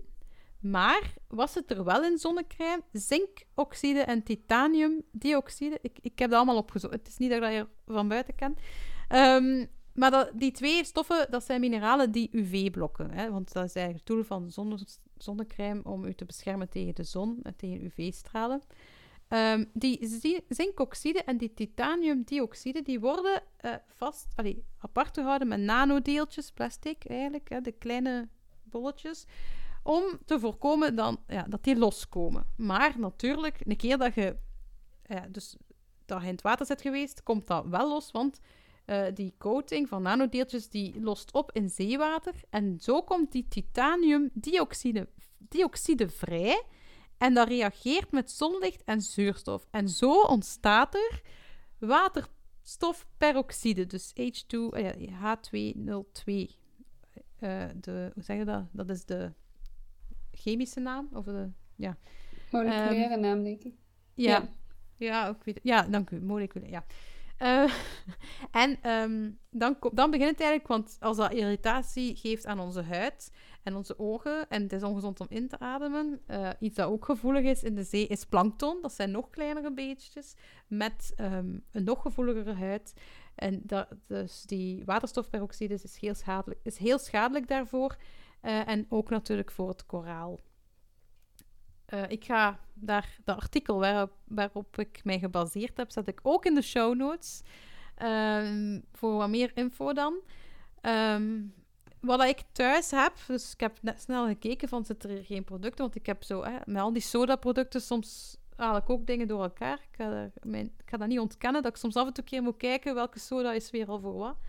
Maar ik gebruik dus sodakristallen, citroenzuur en soda bicarbonaat uh, eigenlijk om mijn huis te kuisen. In verband met witte was, want um, waterstofperoxide zou je was heel lang wit houden en, en, en dus minder snel verslijten aan de ene kant. Um, ik ben eigenlijk afgestapt bij veel witte kopen. maar want ik, ja, ik probeer eigenlijk gewoon veel uh, donkere kleuren te kopen. Wordt, zie je ook minder op dat vuil wordt, moet je dus minder op passen, vind ik. En dan gaat dat ook langer mee. Uh, dat, is, dat is gewoon mijn oplossing voor witte was, eigenlijk. Zo weinig mogelijk wit. Um, ja, en als je toch op zoek gaat naar duurzame kuisproducten, kijk alsjeblieft in biologische winkels of biologische producten. Dan zijn ze eigenlijk altijd zeker. Hè? Voor, voor wit is misschien nog een tip om het vooral buiten te laten drogen in ah, de zon. Want de, ah, zon, de zon die bleekt ook weer erg terug naar wit. Dus uh, voor mij was dat een goede tip. Gewoon heel ouderwets. Dat is een goede tip. nee, een zeer goede tip. Want ik had er zelf nog niet bij nagedacht. Maar ik heb geen tuin. Dus ik verlang toch... Ik weet, jij gaat kleiner wonen. Maar ik verlang toch met een huisje met een klein tuintje... om een en ander buiten te kunnen doen. Bijvoorbeeld mijn was ophangen. Ja. ja. ja. En ja, verder is het voor mij ook, ja, weet je, wat is het belang van dat het wit is? Ik weet dat het schoon is, het komt net uit de wasmachine, dus ja, ja als het dan niet helemaal spierwit is, dan vind ik dat ook prima. Het is dat, ja. Soms is het ook een kwestie van normen bijstellen en dingen accepteren. ja, zeker. Maar dus geen waterstofwater in het huis halen. Hm, beter niet. Uh, en bedankt Lien om die vraag te stellen. Dat mensen en mensen daar bewust van te maken. Maar goed, uh, we zijn bijna aan het einde. En we eindigen altijd met een leuk receptje. En, ah ja. Uh, ja, jij had een receptje klaar. Ja, zeker. Dat is mijn, mijn lievelingsrecept. Er zijn natuurlijk heel veel oh, mensen die tandpasta of deodorant maken. Uh, ja. Of nou, haarbox en dat soort dingen. Of, of, wasmiddelen en dat soort dingen. Maar ja, iets wat ik, waar, waar ik heel... Daar, uh, waar ik heel blij mee ben dat ik dat recept heb ontdekt. En uh, waar ik ook al heel veel geld mee heb bespaard. Uh, is mijn mascara. -hmm. um, en nou, die maak ik zelf. Het is super simpel om te maken. Er komt geen dierenleed aan te pas. Geen microplastics. En geen hele dure merken waarvan nou ja, daar bepaalde multinationals heel rijk van worden. mm -hmm. um, het is super simpel. Het is, uh, nou ja, als ik het maak, dan zit het in zo'n uh, potje, een beetje zwarte smurrie. Ja, ja, ja. Uh, daar gebruik ik een, een oud borsteltje voor en dat doop ik daarin. Van een vorige en, mascara eigenlijk, hè? Ja, dus dit ding is al 6, 7 jaar oud. dat heb ik toen schoongemaakt en, en gebruik nu elke keer opnieuw. En eigenlijk waardoor het zwart is, dat is dit. Dat zijn Norrit tabletjes. Uh, dat is gewoon actieve koolstof. Als je het mhm. los kan kopen, is dat uh, natuurlijk nog beter. Maar dit potje, daar zitten 50 tabletjes in. En ik heb berekend dat ik daar de rest van mijn leven mee kan doen met één potje. Dus oh, mooi. dan moet dat toch wel genoeg zijn. Ehm, hoe ik dat maak is, uh, ik heb een stuk Aleppo-zeep. En dat mhm. rasp ik. En dan komen er van dit soort kleine nou ja, stukjes eh, geraspte zeep komen daar dan uit. Ja. Um, daar doe ik twee tabletjes Norit bij. Een beetje uh, olie, dat kan vitamine E-olie zijn of jojoba of wat dan ook. En een beetje warm water, dus vier ingrediënten. Laat ik een nachtje staan en dan wordt dat tabletje, dat lost op in, uh, in de smurrie, zeg maar. Dus dan uh, kan je het gewoon laten staan en s ochtends roer je het door. En heb je mascara waar je een paar jaar mee kan doen. ja, want toch lang mee, hè? Allee, dat, je moet er ja. wel bij. Maar je met Aleppo-zeep weinig ik, nodig. Ja. Ik had al een recept geprobeerd, maar niet met Aleppo-zeep. Dat is wel leuk. Maar ja, dat gaat hier weer jaren duren eer dat mijn huidige mascara, die ik zelf heb gemaakt, op is. Dus... Uh, Waar maak jij het mee? Uh, ik dacht, wat ik heb het uit het boek van... Um, allee, die, die meisjes van Zero... Allee, ben even het Zero Waste project? Dank u, ja. Daar, daar, daar heb ik het gehaald. Um, en, en dat was denk ik met een soort... Was met kokosolie? Kan dat? Ik weet het niet meer. Maar het is echt lang geleden dat ik het heb gemaakt. Dat was, uh, dus ik weet niet meer wat het echt was. Maar daarom ben ik blij dat jij het recept van de maand uh, doet. Want ja, dat is ook... Ik, ik, ben, ik maak wel dingen zelf, maar eigenlijk zelden um, ga ik enorm ver in het zelf maken. Snapte? Ik heb zo mijn basisdingen. En sommige dingen maak ik één keer, gaan jaren mee. En dan ben ik ook weer al het recept vergeten. Uh, en de dingen die ik wel maandelijks doe, of een paar keer per jaar, is bijvoorbeeld mijn wasmiddel. Dat ken ik wel van buiten. Maar eigenlijk, ik, ik ben niet zo iemand die graag knutselt of wat dan ook. Dus voor mij moet het altijd gemakkelijk zijn. Maar de mascara, weet ik, was wel een gemakkelijk recept. En wij hebben ook actieve kolen in huis, omdat um, ik denk... Um, mijn man werkte toen nog in de horeca. Uh, inmiddels uh, niet meer. Maar uh, hoe zou dat komen? Maar de, de, daardoor hadden wij dus actieve kolen en dan heb ik dat daarmee kunnen doen. Ja. Ja. Oké. Okay. Maar dus bedankt voor het recept. Ja. Ja, ja. um, Oké. Okay. Heb je zelf nog tips voor mensen die zeggen van ik zou ook eigenlijk een zero waste actie of, of ja, iets willen organiseren in mijn buurt? Ja, ja. Uh, ja, daar had je me natuurlijk gevraagd vooraf en daar hoefde ik niet zo lang over na te denken. Ja. Um, op 5 juni gaan we weer wandeltours doen. En zero waste wandeltours. En dat betekent dat je uh, op heel veel uh, plekken in Nederland, maar misschien zijn er mensen nu ook geïnspireerd om het in België ook te organiseren. kun je met een gids op pad om te leren waar je in jouw buurt verpakkingsvrij je boodschappen kan doen. En dan ga je langs uh, vijf verschillende plekken um, uh, waar dat kan. En dat zijn hele verschillende soorten winkels. Daarbij kun je dus andere mensen ontmoeten die uh, dezelfde interesses hebben als jij. En er is een gids die jou, waar je al je vragen aan kan stellen.